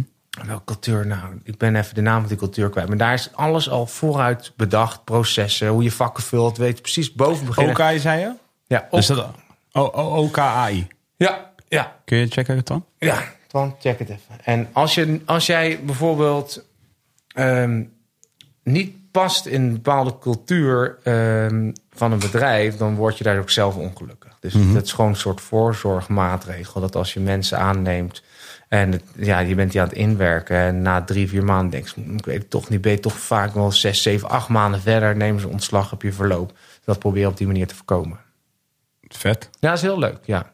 Zou je aanraden, zou je bij wijze van spreken ons aanraden om dat al te doen? Ja, zou ik zeker aanraden. ja. Als je een, eh, zeker een. eh, Kijk, op een gegeven moment, wij hebben ook op een gegeven moment kregen we heel erg hoog verloop. En dan gingen we uitzoeken, maar hoe komt dat dan? Weet je, zo zonde als mensen na eh, binnen een jaar weggaan. Familiecultuur, de adhocratiecultuur, cultuur, de marktcultuur en de Ja, de hiërarchie. hiërarchiecultuur is bij, bij Ahold. bijvoorbeeld Ahold. Ja. Ja. als, je, als jij een creatieveling bent, zoals jij bent... en je, je hoeft niet eens na te denken... en dan word jij ook als vakkenvuller... terwijl het maar een simpel baantje is... zeg jij gewoon binnen drie maanden je baan op. Ja, Want eh, die baas doet irritant en eh, je werkt volgens een ander eh, protocol. En dus dat, dat is heel leuk om eigenlijk hier. En je kan dus mensen vragen, dat noemen ze profilers. Het zijn vaak wetenschappers die kunnen je bedrijfscultuur extraheren. Maken ze een soort mini-assessment van. En dan iedereen die eigenlijk die je wil aannemen, kan je eigenlijk dat langs die doorlopen. toetsen. Ja, oké, Ja. vet. Echt heel tof. nou, misschien niet voor jullie. Zeker, dat lijkt me heel interessant. Net voordat we in de uitzending gingen, zei ik van ja, ik was, ik was even in het preppen aan het kijken naar eh, gewoon nog eens eventjes door jullie ploeg aan het gaan. En toen viel me op hoeveel dames er zitten in het zeg maar upper level, upper level management. En toen zei je ja, maar vrouwen zijn ook veel beter dan mannen. Ja, vind ik wel. Ja. ja. Hoe eh, kun je dat uitleggen? Nou, ik, ik denk ook over 20, 30 jaar dat, dat we ook in ehm, de politiek, maar ook in grote bedrijven, veel meer bestuurders zullen hebben die vrouw zijn. Want vrouwen is gewoon ook bewezen. Hè? Dus, dus niet discriminerend van mij, maar die kunnen veel beter langer termijn kijken. De, de relaties duurzaam onderhouden. Eh, minder testosteron als ze dat al hebben. Ehm, ja, en, en- testosteron leidt tot overhaast beslissingen maken, dat soort dingen. Of, en, ja, en manipulatief gedrag. eh, eh, de Bokito die alles wil bepalen. Die Ja. blind wordt voor de mensen om zich heen. En, Shout-out naar Bokito trouwens. hè? Ja, ik vond dat gewoon. Ik vond dat zo'n. eh, ik vond het zo leuk toen dat aan de hand was met Bokito. Die was ontsnapt. Ja, er wa- waren er mensen gewond geraakt? Ja, zeker. Er was niemand doodgegaan, toch? Nee, nee. Wel heel geschrokken. Wel echt zo. Nou ja, oké, dan oké, cool. Dan blijf ik bij mijn eh, previous statement. ik vond dat leuk. Ja, man, ik geniet daar echt van. Dieren die ontsnappen uit de dierentuin is een van mijn favoriete nieuwsdingen. Ja, ja, ja. Kan ik me voorstellen. Ja, je had een vrouw verwond die hem bijna dagelijks bezocht had. die hem Ah, dat is wel sneu. bezocht. Dat is wel sneu. Dat is wel sneu. Zo'n Ik hoop dat het goed gaat met die vrouw. is echt een beest van die normaal. Hoe Hey, groot. al- ja, maar dat is toch vet. Machtig. Ja, toch? Ja. Maar die vrouwen, wat je ziet, en dat hebben we ook getest in ons bedrijf. ehm, ook, maar in heel ons bedrijf ongeveer 75% is vrouw. We zouden wel meer mannen willen, maar mannen kunnen, sorry voor de mannen die bij ons werken, maar ook bewezen veel minder goed multitasken. En als je re- recruitment doet, Ja. dan moet je echt vijf, zes dingen tegelijk doen Ja. dan moet je ehm, ja, mensen screenen. Je moet doorvragen. Je, je, je krijgt mails, je krijgt telefoons. Hele simpele dingen. Maar een vrouw, ik, ik, ik kom heel veel op vestigingen. En dan zie ik gewoon een dame iemand screenen eh, en aan de telefoon. Dus vragen stellen. Ik zie dat ze een, ander profiel van iemand anders ook kijken. Want er komt een nieuwe sollicitatie binnen op die vacature. En ze is aan het whatsappen. Dat is best knap. Ja. Dat kunnen wij niet. Nee. Nee. ik Dus die heb houden toevallig wel boekhouding gedaan hier om tafel. Maar, dat, maar ik, heb ik ben ook een beetje vrouw. Maar het is echt, één, het is heel leuk om met vrouwen te werken. Ja. En twee, ze kunnen het werk gewoon heel goed. En zeker ook in, in ons management. Ja. Maar je zegt, dit is wetenschap. Maar ik heb het gevoel dat dit, laat ik zo zeggen, dit is een enorme agenda op dit moment. Toch? Vrou- zeg maar vrouwen op de arbeidsmarkt. ja. En, en het lijkt erop alsof er toch nog altijd heel veel discussie over is. Misschien komt dat wel hoofdzakelijk van mannen in bestuurlijke functies. Ja, ik geloof ook niet in zo'n quotum hoor. Kijk, er moeten wel vrouwen zijn die het willen hè, om aan de Ja, top ja. van zo'n bedrijf te werken. Ja. Wat vaak ook gewoon he- helemaal niet leuk is. Nee. Heb je, vond jij het leuk? Of vind jij het leuk? Ja, je, eh, hoe, hoe zit het eigenlijk nu? Wat, wat zou je nu zeggen? Is jij nu jouw dagelijkse... Ehm, nou, ik heb nu een vrije rol. Dus Ja. ik, kijk, ik, ik, eh, ik heb een hele leuke tijd gehad. Maar als je op een gegeven moment... Ik had een team van, denk 12 man. Dat, dat noemen wij dan direct reports. Die, ja, die, moet je, eh, die zitten in je team. Dus daar heb je ja, wekelijkse unit mee, gesprekken mee. Die, eh, die beloon je, die eh, motiveer je. Dat kost echt gigantisch veel energie. Voor mij dan. Hè? ik, ik, als ik wakker word, ook in die tijd... en dan dacht ik, ik ga ons bedrijf laten groeien, groter maken. Ik dacht niet van, hé, hey, ik ga eens even mijn mensen in mijn team laten groeien. Dus ik ben gewoon van nature eigenlijk veel minder goede manager dan de mensen die het nu doen. Hm. Dus eh, wij- onze managers die, die, die zijn gewoon geboren om, eh, ja, ze noemen dat servant leader. Dus mensen in hun team eigenlijk boven zich uit te laten stijgen, te helpen, eh, ja, dingen te leren. En ja, dat, dat, dat zit niet in mij. Dit is wel vet. Ja, laat ik het zo zeggen. Je moet wel, je moet wel. Ik kan mij best goed voorstellen dat iemand in jouw positie op dat exacte moment. eh, eh, ehm, je moet wel echt brutally eerlijk tegen jezelf durven zijn. Daarover. Wat jij nu, eh, hoe je het nu omschrijft. Dat je gewoon tegen jezelf moest zeggen van nee, dit kan ik. Dit is helemaal niet voor mij. Ja, ja, dat klopt. Want ik denk dat er Ja, veel mensen een- gewoon doorgaan. In een paar jaar kom je daar wel achter hoor. Want dan krijg je natuurlijk ook eh, feedback van je mensen in je team. Ehm, van joh, dat, je, dat ze eigenlijk helemaal niet zo blij zijn met jou als. eh, snap je? Kreeg je dat zo? Ja, Ja, zo direct? zeker. Ja, ja, ja. Daar, maar daar vraag je ook om. Hè. Zeg je, Ja. joh, vind je er eigenlijk nog van? feedback? Ja. Wat vind je er zelf van? Ja. Eh, Wil je baan nog houden? nee, ik snap ja. Grapje, dat is een grapje. Nee. Ja. Nee, dus dat was wel een inzicht. Maar dat hadden we eigenlijk met z'n allen, met z'n drieën wel, joh. Eh, Vooral einde van het jaar, joh. Al die evaluatiegesprekken. En dan over bonussen en leaseauto's. Oh, pff. dat hadden we zo, dat deden we, hebben we jaren gedaan, hè. Tien jaar lang. En dan was november, dachten we, oh nee, december. Wat een hel. Al die evaluatiegesprekken. Maar omdat we ook zo vooruitkijken en met het bedrijf bezig zijn. Dan, we waren al al die maanden vergeten hoe ook die mensen performen, snap je? Dus Ja. moest je helemaal, oh, wat hebben we nou afgesproken vorige keer? En voor hem was het natuurlijk super belangrijk. Ja, want, ja, ja, eh, daar gaat je leven over. Ja. En dan zit je daar gewoon met zo'n... En, en dan zitten ze daar 2,5 uur in ruimte, gaat licht uit. Hallo, Hugo? oh, ja, goed gedaan. ja, ja. Ja. Nee, dat hebben we wel. eh, Maar hoe lang, eh, hoe lang geleden is dat dat je daarmee stopte? we hebben tien jaar zelf het bedrijf eh, gemanaged. Ja. Nou, nee, iets langer, twaalf jaar. Ja, de eerste twee jaar hadden we weinig personeel. Dus echt, we hebben tien jaar bedrijf gebouwd. Elk jaar bijna verdubbeld, ook in mensen. En toen, eh, ik denk, ja, zeg zeven jaar geleden, is we eigenlijk directie aangezet. Wacht even, dan moet ik even rekenen. Je bent 39, dus je stopte ermee 32 en toen had je het 12 jaar gedaan. Toen je 20 was begon je ermee. ja. Wow. Twi- Ja, Twan, jaar dat makes you re-evaluate your life, bro. En maar ik weet wel wat startpagina is. En je hebt net ook heel keurig gegoogeld. Mag ook gezegd worden.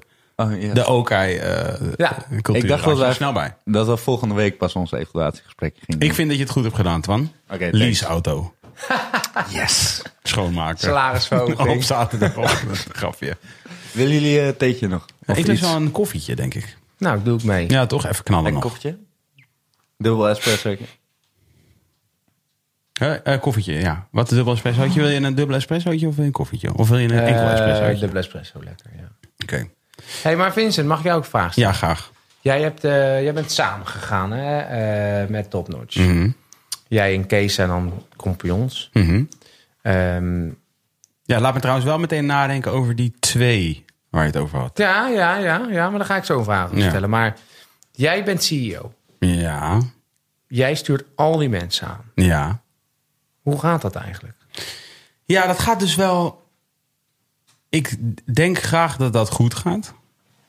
Ehm, en ik denk ook dat, het, dat wat er, laat ik zeggen, om het van de meest positieve kant te benaderen, denk ik dat ehm, de Kees en ik, waar ik eh, iets eh, meer van nature op de mens zit. Ik kom uit bijvoorbeeld uit een pedagogisch gezin. Dus zeg maar het menselijke deel van dit werk is iets wat ik een beetje daarvan ken.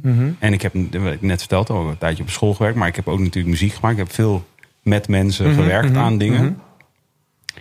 Dus dat komt wel heel natuurlijk voor mij. De- denk ik graag van mezelf. En misschien zitten nu wel mensen die bij, ons werken te luisteren. En denken van, die- ja, hey, wat, dat is echt een fucking asshole. Maar, Zeker inbellen, jongen. ja, snap je? Echt 0900 Twan. Dan kun je gewoon checken. Maar nee, dus dat. dat en, eh, en Kees, die, ehm, ja, die is wel van de grote lijnen. Die vindt het heel leuk om inderdaad na te denken van hoe groeit het bedrijf. Maar wat, wat, En wat nieuwe business en dat soort dingen. jouw en mensen in jouw team, wat ben jij voor manager? Wat denk je dat zij zeggen? Hoe jij, hoe jij leiding geeft?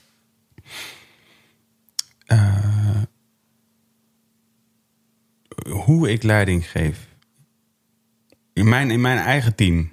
Ja? Ja, ik denk in de eerste plaats zou ik wel durven zeggen dat ze- dat, dat wel goed is. Dus dat is mijn eigen team, hè? Mijn team van managers weer Ja, ja, zelf. ja, ja, ja. Dus ik denk wel, ik denk wel goed. Ik denk dat dat wel goed is. En ik denk ook dat ze. Kijk, waar wij nu dit jaar voor stonden, de uitdaging waar wij voor stonden, is dus dat er gebeurde wat gebeurde. Dus je had twee teams bij elkaar. En terwijl de twee teams bij elkaar kwamen, groeide het team ook nog. Dus Ja. het totale team groeide ook. Hoeveel mensen zit jij nu? Ehm, ik geloof eh, eh, tussen 45 en 50 Ja. in totaal. En, en, en, en dan had je ook nog, zeg maar, bij ons denk ik dat de, dat de, in tegenstelling tot wanneer je een fusie hebt tussen bijvoorbeeld twee grote bedrijven. Ja, als in, eh, weet je, gro- tegen corporates of wat dan ook. Weet je, daar heb je denk ik dat de mensen die daar werken, hebben niet, zeg maar, een bepaalde soort binding met wat het is. Die verder gaat dan alleen maar, ja, hier werk ik al een tijdje, zeg maar. Want bij ons heb je, ik denk wel dat er, ja, mensen echt zichzelf eh, dat, dat ze zich deel voelden van wat het betekent Ja, ja. om Ja. topnotch te zijn of om Nozark te zijn. ja. En dat geldt voor de mensen die werken, dat geldt ook voor artiesten en dat geldt voor. hè, Er zijn een paar mensen. En er die- was rivaliteit eigenlijk. Dus Ja, dat ooit wel, ja. En, en dan zijn er ook, er zijn echt me- en tatoeages en dergelijke. Snap je zo van? Het is echt wel dieper dan alleen maar van, eh, um, nou ja, dat kan je gewoon op één hoop gooien en dan gaat het allemaal gewoon vrolijk door. Zo werkt het niet. En dat, dat, dat wist ik natuurlijk ook wel. Maar dat is wel een, een, een uitdaging voor waar je voor stond. En dan denk ik dat als ik even nu heel kort een blik heb kunnen werpen op deze, eh, dit ding, Ja. denk ik dat we zijn gegaan van een autocratisch model Ja. wat het 100% zeker was Ja. eh, voor de langste tijd. Dat we, en dan weet ik even, even niet, wat we in ieder geval niet. En Een hier, clancultuur. Mm, Ja, misschien. Maar dat zit hier niet tussen trouwens. Zie ik, Ja, zie wel. ik niet. jawel. Wat, wat zei je nou? De clan is een familiecultuur. Ja, precies. Ja. Ja, dat zou ik willen zeggen. Ja. Dat zou ik willen zeggen. Laat ik het zo zeggen. Daar werken we naartoe. Dus ik denk dat we daar nu ergens flexibiliteit en vrijheid van handelen. Ja, daar ergens zitten we denk ik nu. Op die, op die, eh, op die, ergens tussen die, in die driehoek. Die grote driehoek. Familie en En, autocratie. en hoeveel mensen stuur jij direct aan dan in jouw team? Ehm, dat zijn er eh, zes bij ons. Eh, maar dat is, dat is ook nog, dat, dat, dat is ook nog eh, wel in ontwikkeling. Dus dat zijn er ook weer, dat zijn er eigenlijk iets meer dan er zou moeten, zouden moeten zijn, als je begrijpt wat ik bedoel. Dus van, Dat moet ook nog allemaal nog een beetje soort vorm krijgen. Nee, die zes zijn er trouwens, eh, ik doe er eigenlijk meer. Maar, eh, maar zes zijn het die het, die, En, en ben jij dan als, als ja, je bent ook voorbeeldleider, ben je dan ook bezig om... En dan werken we trouwens ook, sorry dat ik je onderbreek, maar wij werken dan ook nog met Universal. Ja. Waar we ook weer met mensen werken met wie we heel nauw samenwerken. Dus bijvoorbeeld onze legal afdeling zit daar. Geef je ook leiding aan? Nou ja, we hebben zelf die persoon niet. Nee, nee, Dus, maar het is meer dus- uitvoerend dan dat ze dat moeten uitzoeken. Ja, maar wel een, een, een essentieel onderdeel van ons bedrijf. Dus ja, in zekere zin, ik ben niet eh, in, in dit geval van de persoon die dit, ik ben niet zijn leidinggevende. Dat is niet wat ik ben. Maar aan de andere kant, hij voert wel uit wat Ja, hij ja. voert een essentieel onderdeel van ons ding uit. Dus ik moet wel, ik moet wel sturen hoe, hoe hij dat doet voor ons. Ja, dat is wel mijn Maar verantwoordelijkheid. ben jij dan ook echt bezig dagelijks met hoe, hoe vind ik de juiste snaar, de juiste, hoe kan ik deze persoon op welke manier het beste motiveren? Ja, Ja, dat zou ik wel dat zit zeggen. wel in jou. Ja, dat vind ik heel leuk om te doen. Kijk. Ja, dat is van dat, dat, sterker nog, ik denk dat dat is mijn favoriete onderdeel van wat dit allemaal is. Oh. Dus zeg maar bijvoorbeeld het, het, het groeien in het bedrijf. En dat was eigenlijk wat ik aan het vertellen was. Dus tussen, laat ik zeggen, Kees en mij. Is dat, dat ik denk dat wij elkaar. Wij, wij, wij kunnen elkaar ontzettend opstoken op die twee verschillende eh, takken. En, en ook met elkaar eh, hierover eh, fantaseren en sparren. En, en daar ideeën, gewoon allerlei ideeën met elkaar uitwerken. Van, wij hebben ook meerdere keren natuurlijk met z'n allen aan, aan tafel gezeten. van, wij vinden het heel leuk om samen na te denken over dat soort dingen. Zoals ik denk dat jij dat ook hebt met, eh, met Bram Rogier. en, en waarschijnlijk ook nog veel andere mensen nu. Ehm, en eh, eh, ik weet even niet meer waar ik naartoe wil. Dat, dat is eigenlijk wat het is. Dus ik denk dat dat werkt gewoon heel gezond bij ons. En dus soms kan het zo zijn dat ik, dat ik een hele wilde... Want dat is wel hoe het ooit begonnen is. Is dat eh, ehm, toen ik nog veel priller aan het ondernemen was dan, eh, dan Kees... of veel, veel, veel korter aan het ondernemen was dan Kees dat aan het doen was... had ik al wel veel grotere praatjes dan hij. Vond hij ook. En nog steeds? Eh, ja, dus op bepaalde gebieden misschien wel. Ja. maar, niet, maar niet per se. Kijk, Maar dat is ook ambitie, toch? Ja, precies. Ja. En dat is ook wel echt nu, dat, dat, daar zover zijn we wel. En ik wilde ook niet, voor de duidelijkheid, want dat is dus niet alleen eh, Kees en ik. ben nu, en nu wat, wat, wat ik probeer, wat ik in ieder geval probeer te scheppen nu bij ons, is dat er meer ruimte komt voor eigenlijk nagenoeg, voor nagenoeg iedereen bij ons om te gaan fantaseren over wat het allemaal kan zijn. denken, ja. denken. ja, en niet groot voor alleen groei. Ik heb de laatste keer ergens een keynote gegeven en daar heb ik, heb ik ehm, Ricardo Semler geciteerd, wat een van mijn Ja, ja. favoriete personen in de wereld is iemand om van te leren. En die, die zei: ja, er zijn maar twee dingen. Semco-stijl. Er zijn maar twee dingen in deze wereld die groeien voor de groei. Dat zijn eh, ondernemingen en tumoren. En dus je moet wel goed, goed weten waarom je aan het groeien bent. En de groei moet een resultaat zijn van een ander soort intrinsieke motivatie of interesse.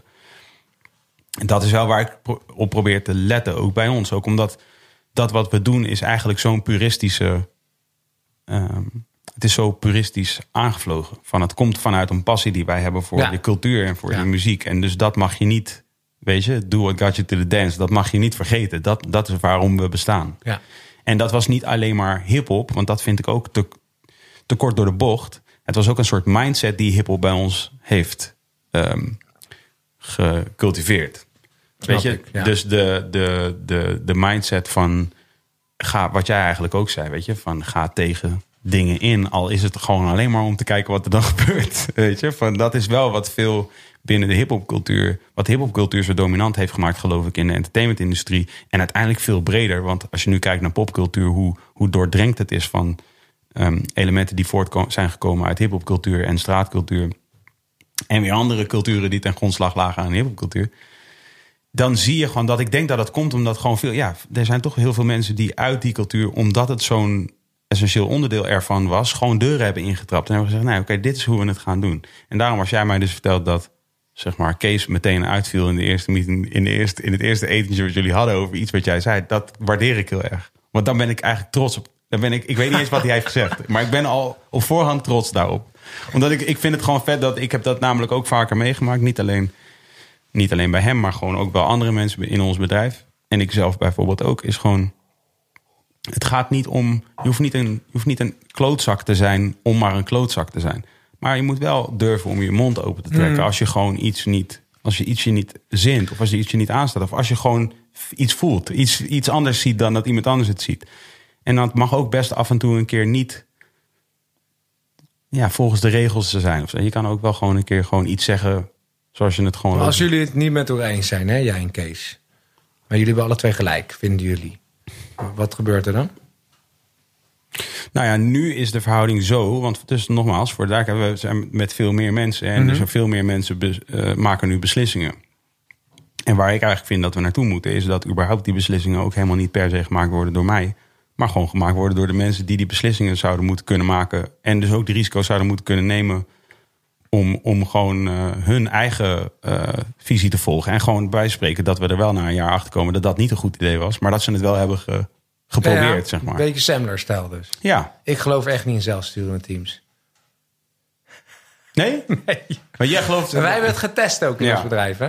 Maar onze mensen, ehm, die, eh, als je net, als je, ja, jij hebt misschien wel iets meer senior mensen op kantoor. maar We hebben heel veel jonge starters. hè? Mm, Jonge mensen hebben gewoon heel veel behoefte aan regels, ehm, duidelijkheid. ehm.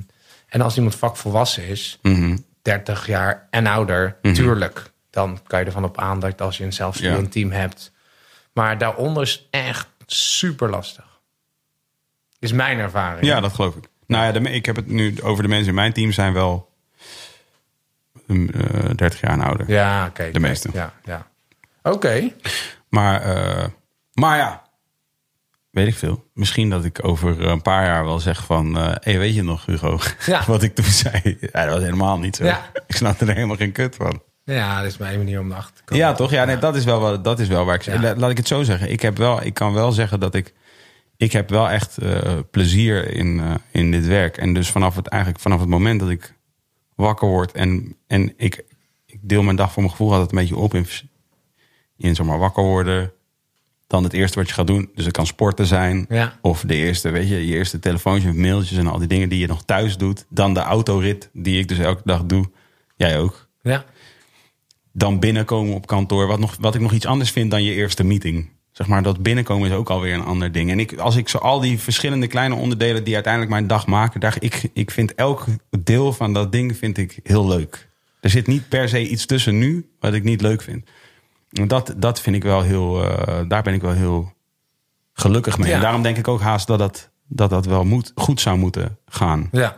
En ik vind dit soort shit gewoon heel tof. Dus Ja. als iemand mij iets vertelt over van... hé, hey, maar hier is ook, kan je op deze manier kan je er naar kijken, op deze manier. kan Maar er zijn ook heel veel succesvolle bedrijven wel die eh, zo'n holocracy model is het eigenlijk. Mhm. Dus eh, ook nu zijn er een paar Nederlandse bedrijven ook overgestapt op dit model wat jij dan voor ogen hebt.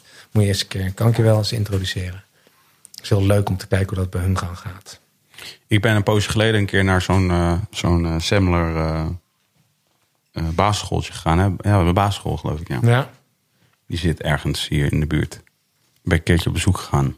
Gewoon om te kijken van hoe, hoe zich dat dan vertaalt naar hier. Dat zag er nog niet per se uit alsof het heel goed werkte. Maar ik vond het wel vet. Dus ze hebben ook scholen vanuit die, dat gedachtegoed. Ja, hij heeft. Ja, dat is eigenlijk het, e- dat is, dat is wat hij daarna is gaan doen. Of tenminste, hij is natuurlijk eerst dat Semco gaan Ja, ja, is hij ja. mee begonnen. Toen is hij eigenlijk die hele bedrijfsfilosofie gaan implementeren bij andere bedrijven. Dat is wat toen, wat toen eigenlijk zijn business werd, volgens Ja, mij. Ja. Toen is hij een. eh, eh, is hij ook, eh, volgens mij, ja, van alles is hij begonnen. Hotelketens en al dat soort dingen. En toen, is hij, en toen is hij dus inderdaad een onderwijssysteem gaan opzetten. En nu is hij een hele leefgemeenschap aan het bouwen hè, in, Brazilië. Dus zonder dat- leiding, zonder eh, ieder zijn rol eigenlijk in, in de groep. Ja, maar ik ben ook een Montessori-kind. Ja. En daar doet het me ook aan denken. Ja, ja, is ook zo, tuurlijk. Ja. En, dus, en daarvan weet ik ook, en dat is ook waar hij zelf ook redelijk open over is, is dat hij zegt ook van het betekent natuurlijk niet zo dat dit altijd werkt. Het hangt er vanaf of mensen Ja. dit, of me- de mensen die, die, die dat moeten gaan doen dan volgens die filosofie, of die daar ook in passen. En daarom Ja. vind ik het ook wel vet wat je net zegt, van dat je eerst eigenlijk checkt op welke mensen komen hier Ja. eh, werken. Alleen wat ik dan wel weer denk, is wat als het zo is gegaan dat het bedrijf is gevormd naar hè, de oprichters ervan en de eerste ploeg die het deed. En dat daar vandaan dus een bedrijfscultuur is ontstaan, waar jij dus nu dus mensen bij zoekt die passen bij die bedrijfscultuur. Maar wat als dat niet de beste bedrijfscultuur voor de business is? Dat zou kunnen natuurlijk. Dat is bij jullie al te laat, laat ik het zeg maar. Van, maar dat kan. Ja. Ja, ik weet niet of dat kan. Als je kijkt naar. eh, ja, ik denk, ja, weet je, eh, wij hebben ook het type klant dat wij dan bedienen. Is vaak weer een heel ander type klant wat onze concurrenten bedient. Dus bijvoorbeeld de Randstad heeft gewoon veel meer overheden als klant. Hmm. Past minder bij ons. Eh, maar die past wel heel goed bij de bedrijfscultuur van Randstad. Dus je zoekt dan ook bij je cultuur Weer een Juist in, binnen de business, ja precies. ja, want daar werken ook mensen waar je dan veel beter eh, op dat niveau kan praten. Ja. Waar je ja, identificatie hebt van ja, in de samenwerking. ja. Maar wat dat betreft, we hebben natuurlijk ook gewoon een eh, heel groot sales team. En het zijn een soort chameleonnen. Die kunnen elke cultuur eh, aannemen wat ze willen natuurlijk. Dat is natuurlijk ook gewoon eh, ja, het vak van commercie. Dat je heel goed kan inleven in de klant. En eh, is allemaal marketing natuurlijk. Ik heb je ook zien zeggen dat je vindt dat de huidige generatie waarvan wordt gezegd dat ze zo hard werken, dat jij vindt dat die helemaal niet zo hard werken. Heb ik dat gezegd? Ja, dat heb ik gelezen, ja. Oké. Vind je dat wel dan?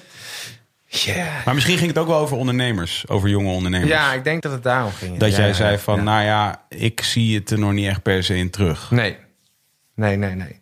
Ik vind ook... ehm, misschien heel gevaarlijk, maar... Nee, dat ga ik niet zeggen. Oké. Nee, ja...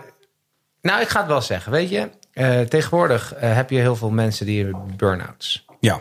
En die hebben ook echt een burn-out. Ja. Maar het aantal mensen wat een burn-out heeft... is gewoon echt extreem eh, toegenomen. Ja. Maar ik heb ook een tijd gekend dat bijvoorbeeld de RSI-arm. Mhm. Ken je Ja, dat? ja, ja.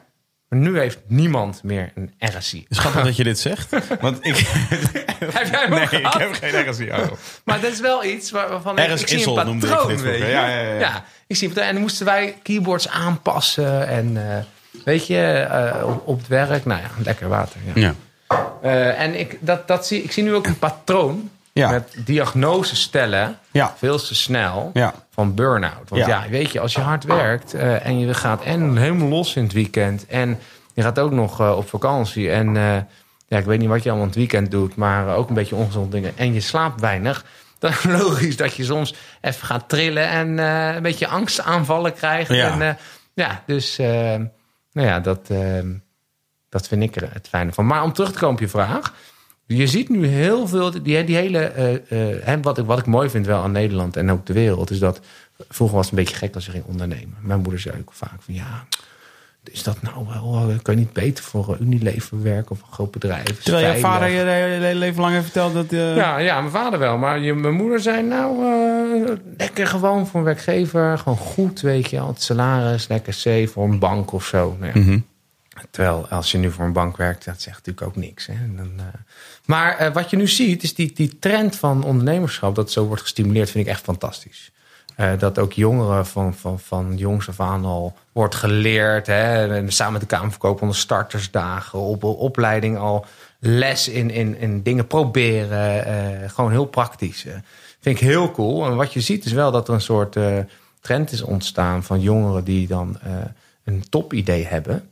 En het niet eens eerst even zelf proberen zoals jij en ik hebben gedaan, maar gelijk geld gaan ophalen om dan hun, hun plan in hun bedrijf te financieren. En ook niet even 10.000 euro of zo, maar gewoon een waardering van hun bedrijf voor, voor het idee van, Ja, ja, ja. van een miljoen of zo. En dan al gelijk sowieso ehm, ehm, salaris willen. En eh, ja, ik ben daar heel allergisch voor. Want wij hebben dit bedrijf ook en meerdere bedrijven gebouwd. Gewoon voor de lange termijn. Heel duurzaam. En wij hebben nooit gedacht van joh, we gaan een bedrijf opzetten. En dan Cash binnen drie ja. jaar cashen. Nee, dat, eh, Ja. Dat, en dat zie je nu wel. Dat is, dat is wel weer de, de keerzijde. En, ja, dus ik, En, dat ik- komt dus ook met... Dat komt ook met klachten, met, met, met, eh, met zeg maar te grote ambities die je niet waar kunt maken en alle, alle negatieve consequenties daarvan. Bedoel je dat? Of bedoel je gewoon van, dit is, het is gewoon niet een duurzame manier om, eh, om, om te ondernemen? Nou ja, als je ziet hoeveel bedrijven er failliet gaan, eh, Ja. dat is echt bizar. En Ja. hoeveel geld er eigenlijk wordt besteed aan slechte ideeën waarvan je eigenlijk al, als je een beetje logisch nadenkt, dat het eigenlijk gewoon eh, kansloos is. Maar ja, weet je, jij zei joh, jij vindt jonge mensen helemaal niet zo hard werken. Wat ik zie is vaak als mensen een bedrijf opzetten, eh, het is super moeilijk om, om. En het duurt heel lang. Elk bedrijf, bijna elk bedrijf, wat je wil opbouwen, wat gewoon stabiel is met klanten, met, met mensen, met medewerkers. eh, en je verdient gewoon goed geld, duurt sowieso altijd vijf jaar. Ik ken bijna, ja, misschien Silicon Valley, Ja, maar ja, ik ken geen bedrijf die, die binnen twee jaar al heel veel geld verdient Ja. en waar alles. Want zo'n bedrijf bouwen, dat, dat moet ook organisch en dat moet ook duurzaam zijn. Want dan is je business duurzaam, je relatie duurzaam, je mensen moeten. En, en eh, ja, ik ben meer een beetje wat dat betreft ouderwets. Om, om in die vijf jaar iets op te bouwen, moet je ook verschrikkelijk hard werken. En ja, dan ga je gewoon. eh, het is topsport. En eh, dat ja, heel veel jonge mensen die denken dat je een bedrijf kan opzetten in eh, ja, een beetje part-time. Nee, ik geloof er niet in. Ik denk gewoon dat je jarenlang 100 uur in de week moet knallen. En eh, dat gaat ten koste van eh, ja, sociale dingen, vakanties. gewoon full focus op je bedrijf. Ja, Is dit hoe jij het ook gedaan hebt? Gewoon Ja, echt, ja, dat was wel, was wel 100 uur in de week knallen? ja wij hebben wel tien jaar lang echt nou, ons helemaal uit de naad gewerkt. Ja, echt helemaal schompers gewerkt. Ja, ja. Ja. En heeft dat, heeft dat. Ik bedoel, de upside is, is, is wel duidelijk. Als in van, dat het is natuurlijk gelukt. Jullie hebben iets heel eh, eh, goeds neergezet dat werkt. Maar eh, heeft het, heeft het negatieve consequenties gehad? Voor jou persoonlijk wellicht? Nou, ja, ik ben misschien wat minder naar feestjes gegaan. Eh, ik moest altijd alles snel doen, en nooit lang op vakantie. Maar het is maar tien jaar, hè? Dus ik ben van mijn ja, twintigste tot mijn dertigste misschien een beetje saai geweest. Hm. Als ik naar een feestje ging, ging ik om half twaalf naar huis. en eh, geen eh, seconde later, want ik wilde om twaalf uur slapen. En eh wilde ik weer fit zijn. Weinig drinken. Ik dronk toen helemaal niet trouwens. Dus ja, ik heb het niet gemist. Maar dus eigenlijk zeg jij, als jij nu wil ondernemen,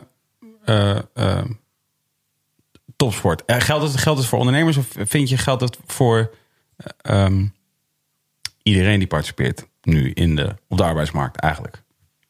Want eh, laat ik het zo zeggen. Dat is namelijk. Oké, ik, ik, het altijd zo kut. Ik voel dan altijd dat wilde haren bingo kaart erbij worden gepakt. Maar dit is dus hoe ik het zelf ook. Dit is hoe, ik heb het zelf onlangs zelf gezegd van ja, dat is topsport eigenlijk. Dus toen ging het. Ik had eh, ergens was ik binnen, was ik onlangs en daar werd mij dus ook gevraagd van nou, wat zou jij zeggen? Dat is de belangrijkste voor jonge ondernemers om, om over na te denken. En toen zei ik van nou ja, ik denk dat het belangrijk is om te kijken naar ondernemen als topsport. Dus ga, eh, ga goed, weet je, slaap goed, eet goed, eh, rust goed, train goed. Weet je van. Ehm, het, is, eh, het is de theorie. Het is net zo goed oh, de theorie als de praktijk. Van begrijp wat je aan het doen bent, wa- waarom je. Weet je, we hadden het even over sporten vlak voordat we eh, gingen praten met elkaar. Maar weet ook waarom het wel werkt om één oefening eh, te doen zoals je hem doet. En waar, wat het, waar het in resulteert. Weet je, van het is, je, moet, je mindset moet zijn dat dat is wat je aan het doen bent. En dat is het enige wat Ja. je aan het doen bent. Je bent Olympische. Maximale Toch? ja. Oh, en ook de self-fulfilling prophecy. Hè? Ja. jij dag en nacht met iets bezig bent en je gelooft in iets. En Ja. het hangt bij wijze van boven je bed. Je wordt Ja. Mhm. wakker en je ziet gewoon, ik geloof daarin. Ja, en honderdduizend procent. Alleen ik denk wel dat nu met een soort alle, alle Hollywood verhalen die daarover gaan. eh, eh, lijkt het soms alsof mensen geloven dat dat nog het enige is wat je hoeft te doen. Is visualiseren. Ja, ja. de, hè, de droom en, dan kom je, en dan kom je er wel. Maar zo van, en, en dat is, ik denk dat het voor een groot deel zo is, als je dat ook werkelijk naleeft. Dus als je werkelijk je, je, je leven zo inricht dat je dat de hele dag aan het doen bent, dan zal het ook vast. Dan, dan komt het ook wel tot stand. Maar als het echt puur alleen is van, oké, ik ga even een foto van mezelf maken ja, voor een raam met een heel groot uitzicht. En, eh, en dan zeg ik van, eh my future is bright. Ja, dat is niet alles. dat kan iedereen in principe doen. Ja, Toch? ja, ja. Eh, maar wat ik, wat, ik, wat ik nu wel af en toe denk, want wij, hadden, wij hebben hier onlangs best wat mensen gehad die op van verschillende aanvliegroutes het onder andere ook over burn-outs hadden en over de uitdagingen waar eh, voornamelijk jonge mensen nu voor staan eh, in deze tijd. Want er is ook onlangs een neuropsycholoog, nou ja, mensen die meer in de lifestyle coaching en dat soort dingen. Dus daar ging het dan al een beetje over. Maar hoe meer ik erover nadenk, hoe meer ik ook denk, ja, volgens mij als je nu überhaupt eh, eigenlijk leeft, succesvol, als je dat succesvol nu wil doen, met alles wat er is, wat een hoop is, wel, dan moet je eigenlijk al met die discipline min of meer leven om dat succesvol te kunnen doen. Omdat er gewoon zo tyfus veel is om te doen in theorie. Alleen al aan social media, evenementen, wat jij net zegt, alle afleidingen die er zijn Ja, eh, drugs, drank, alle mogelijkheden die je hebt om eigenlijk jezelf van dat pad af te halen, die zijn nu veel groter dan, dan dat ze wellicht 40 jaar geleden waren. ja, zeker. Ja. En het is ook moeilijker geworden. Hè? Eh, Als je nu een, bedrijf begint. Kijk, het is makkelijk om een bedrijf te starten. Maar als jij een Instagram-kanaal wil hebben, TikTok... ehm, je wil nog wat op Facebook doen voor een andere doelgroep, YouTube. Man, hé. De- de- of allemaal applicaties bouwen. Je wil een native app. Je wil ook nog een mobiele website. eh, je, wil, je wil verkeer inkopen om eh, ja, adverteerders aan te trekken. Om, om klanten en bezoekers naar je site. Ja, dat is best wel een, eh, best wel een ding, hè? Ja, dat is echt. Ja. Ja. Nee, het is wel, het is wel echt, eh, het is wel echt heel Maar heftig. kijk wat jullie hebben opgezet. eh, jullie bereiken, jullie kanalen. Dat is echt bizar. Maar dat, dat, dat is ook tientallen jaren noeste arbeid, geloof, idealisme, eh, een crowd, een, een, een, een stroming. En ja, eh, nou is het zo groot, maar dat is jullie ook niet aankomen waaien. Nee, nou het is grappig. Wij doen, ik, dat zou je vast ook wel met je beste vrienden ooit gedaan hebben. Maar de- wij doen eh, heel vaak het spelletje. Hè. Zou, je, zou je dit en dit voor een miljoen? Of zou je dit, hè, als we op vakantie zijn, zelfs nu nog met mijn volwassen vrienden die ook inmiddels vaders zijn en dat soort dingen. Maar dan, hebben, dan doen we die spelletjes alsnog. Toch? Zou je puntje, puntje, puntje voor 1 miljoen? Of voor dat. Ja, ja, ja. En mijn, mijn dooddoener antwoord daarop is altijd: ik doe niets voor geld wat ik niet zou doen voor niets. Kijk, Dus als ik. En, en dat is wel wat ik. Dat is, dat, dat is inderdaad. Ik heb al die heel veel jaar dit gedaan voor niets. ja, Omdat ik het vet vond. En dan is de kans dat er op een gegeven moment een keertje wel voor betaald wordt. Zodat je er een keer wel iets aan verdient. Ja, die neemt dan wel, denk ik, eh, Ja. exponentieel toe. Als Ja. je dat maar blijft volhouden. Ja. Natuurlijk niet per se tegen beter weten in. Maar jij zei toen straks bijvoorbeeld wel... Daar, daar sloeg ik dan wel een klein beetje op aan. Want je zei, ja, sommige van die plannen... die kun je gewoon zien en een keer lezen. En dan denk je van, ja, dit is al een slecht idee. Nu, nu ben ik benieuwd. Kijk, en jij zal misschien nu zeggen ja, maar zou je... Stel dat eh, Kees of ik tien jaar geleden jou een ondernemingsplan voor had gelegd... van een platenlabel in de hip-hop... zou je dat idee toen een goed idee hebben gevonden? Nee, ja, goede vraag. Met zeg maar de teruglopende muziek, eh, de muziekindustrie lag op zijn lag op zijn gat. Eh, retail of zeg maar fysiek product dat verkocht niet meer. Er was ook nog ik- geen ik alternatief, werd illegaal verwacht- gedownload. Nee, ik had nooit verwacht dat Nederland eigenlijk een beetje, ja, wat in Amerika, dat zag ik natuurlijk wel allemaal gebeuren. Dr. Ja. Dre, jij bent natuurlijk in Nederland een beetje de Dr. Dre met Kees, hè? Eh, ja. We zijn samen Dr. Dre. Ja, maar dat is wel echt... Hij- eh, ik- ben dokter, nooit- hij is Dre. Nee, Ja. had ik echt nooit eh, verwacht, nee. Nee, precies. nee, nee. Dus ja, daar, daarin kun je ook zeggen van ja, dus soms eh, ja, weet je het ook niet. je Dan moet je gewoon eh, op hoop van zegen. Maar jij hebt ook niet eh 1 miljoen opgehaald, eh, snap je? Nee, er zijn heel veel mensen die gaan gewoon een miljoen ophalen. En, Ik heb, eh, een, ik zal je nog sterk vertellen, ik heb nooit 1 euro geleend van anyone, nee. ooit. Nou, Kees ook niet, denk ik. Nee, Nee. Dat, dat is dan ook wel weer een, eh, het mooie daaraan, toch? ja. Jij? Eh, ja, volgens mij eh 5000 gulden. Een Hadden we tante Agaat? eerste jaar... Hadden we, nee, geen tante gaat tegen mijn vader. Nee. Eerste jaar al terug eh, betaald. Ja. ja, dat is een mooie tijd. Maar als je ook... Wij zijn natuurlijk een uitzender, recruitment bureau. Dat, dat kan je ook morgen beginnen. Hè? Dus als jij morgen eh, denkt... hey, ik wil ook een ja, recruitment gaan doen. Of headhunten. Of eh, in de creatieve muziekindustrie... eh, ja, kan je morgen registreren. En dan kan je geld gaan verdienen. Dus Ja. het, is wel, het is een vrij beroep. Ja. Maar ook een beroep waar je eigenlijk... ja, je hebt geen machinepark nodig. Je, hebt, je tijd is Ja. eigenlijk je enige investering. Dus je kan heel makkelijk... Die, die entry to the market is makkelijk. Ja, dat is bij ons ook eigenlijk nu zo. Ja, ja, zeker. Ja. Ja, Maar dat zie je dus ook in, in jullie artiesten. ja, Ja, die bereiken dingen eh, met mooie content, eh, met talent. Ja, bizar. ja, Hè, Busy ook, eh, wat hij heeft neergezet, is natuurlijk ongelooflijk. ja. 100%. Fascinerend. Ja. Eh, eh, Daar nog heel even over. Die, dus wij zijn samen dat aan het doen. En Busy is, eh, die, die is het hoofd van Young Capital Records. Een platenlabel dat we samen zijn gestart. En waar we dus ook releases op gedaan hebben. En ehm, jullie hebben in het verleden hebben jullie vaker een soort gekke of gekke campagnes gedaan. Die, die, die spannend waren of op het randje waren. Of in ieder geval gewoon. ehm, hoe. Voor, ik kan me zo voorstellen dat zeg maar in onze, in onze positie al. Wat, wat, wat nog bescheidener is. En ook denk ik op een, op een, in een business waarin het ook wat makkelijker te accepteren is. Dat je af en toe eens een keer misschien iets geks doet. Of, of iets wat op het randje is. Of misschien net over het randje is. Maar ik kan me voorstellen dat in jullie business. Wat toch wat meer een traditionele en wellicht wat meer conventioneel is. Dat het best wel spannend is om je af en toe dat soort gekke dingen te doen. Het is een dagelijks gevecht.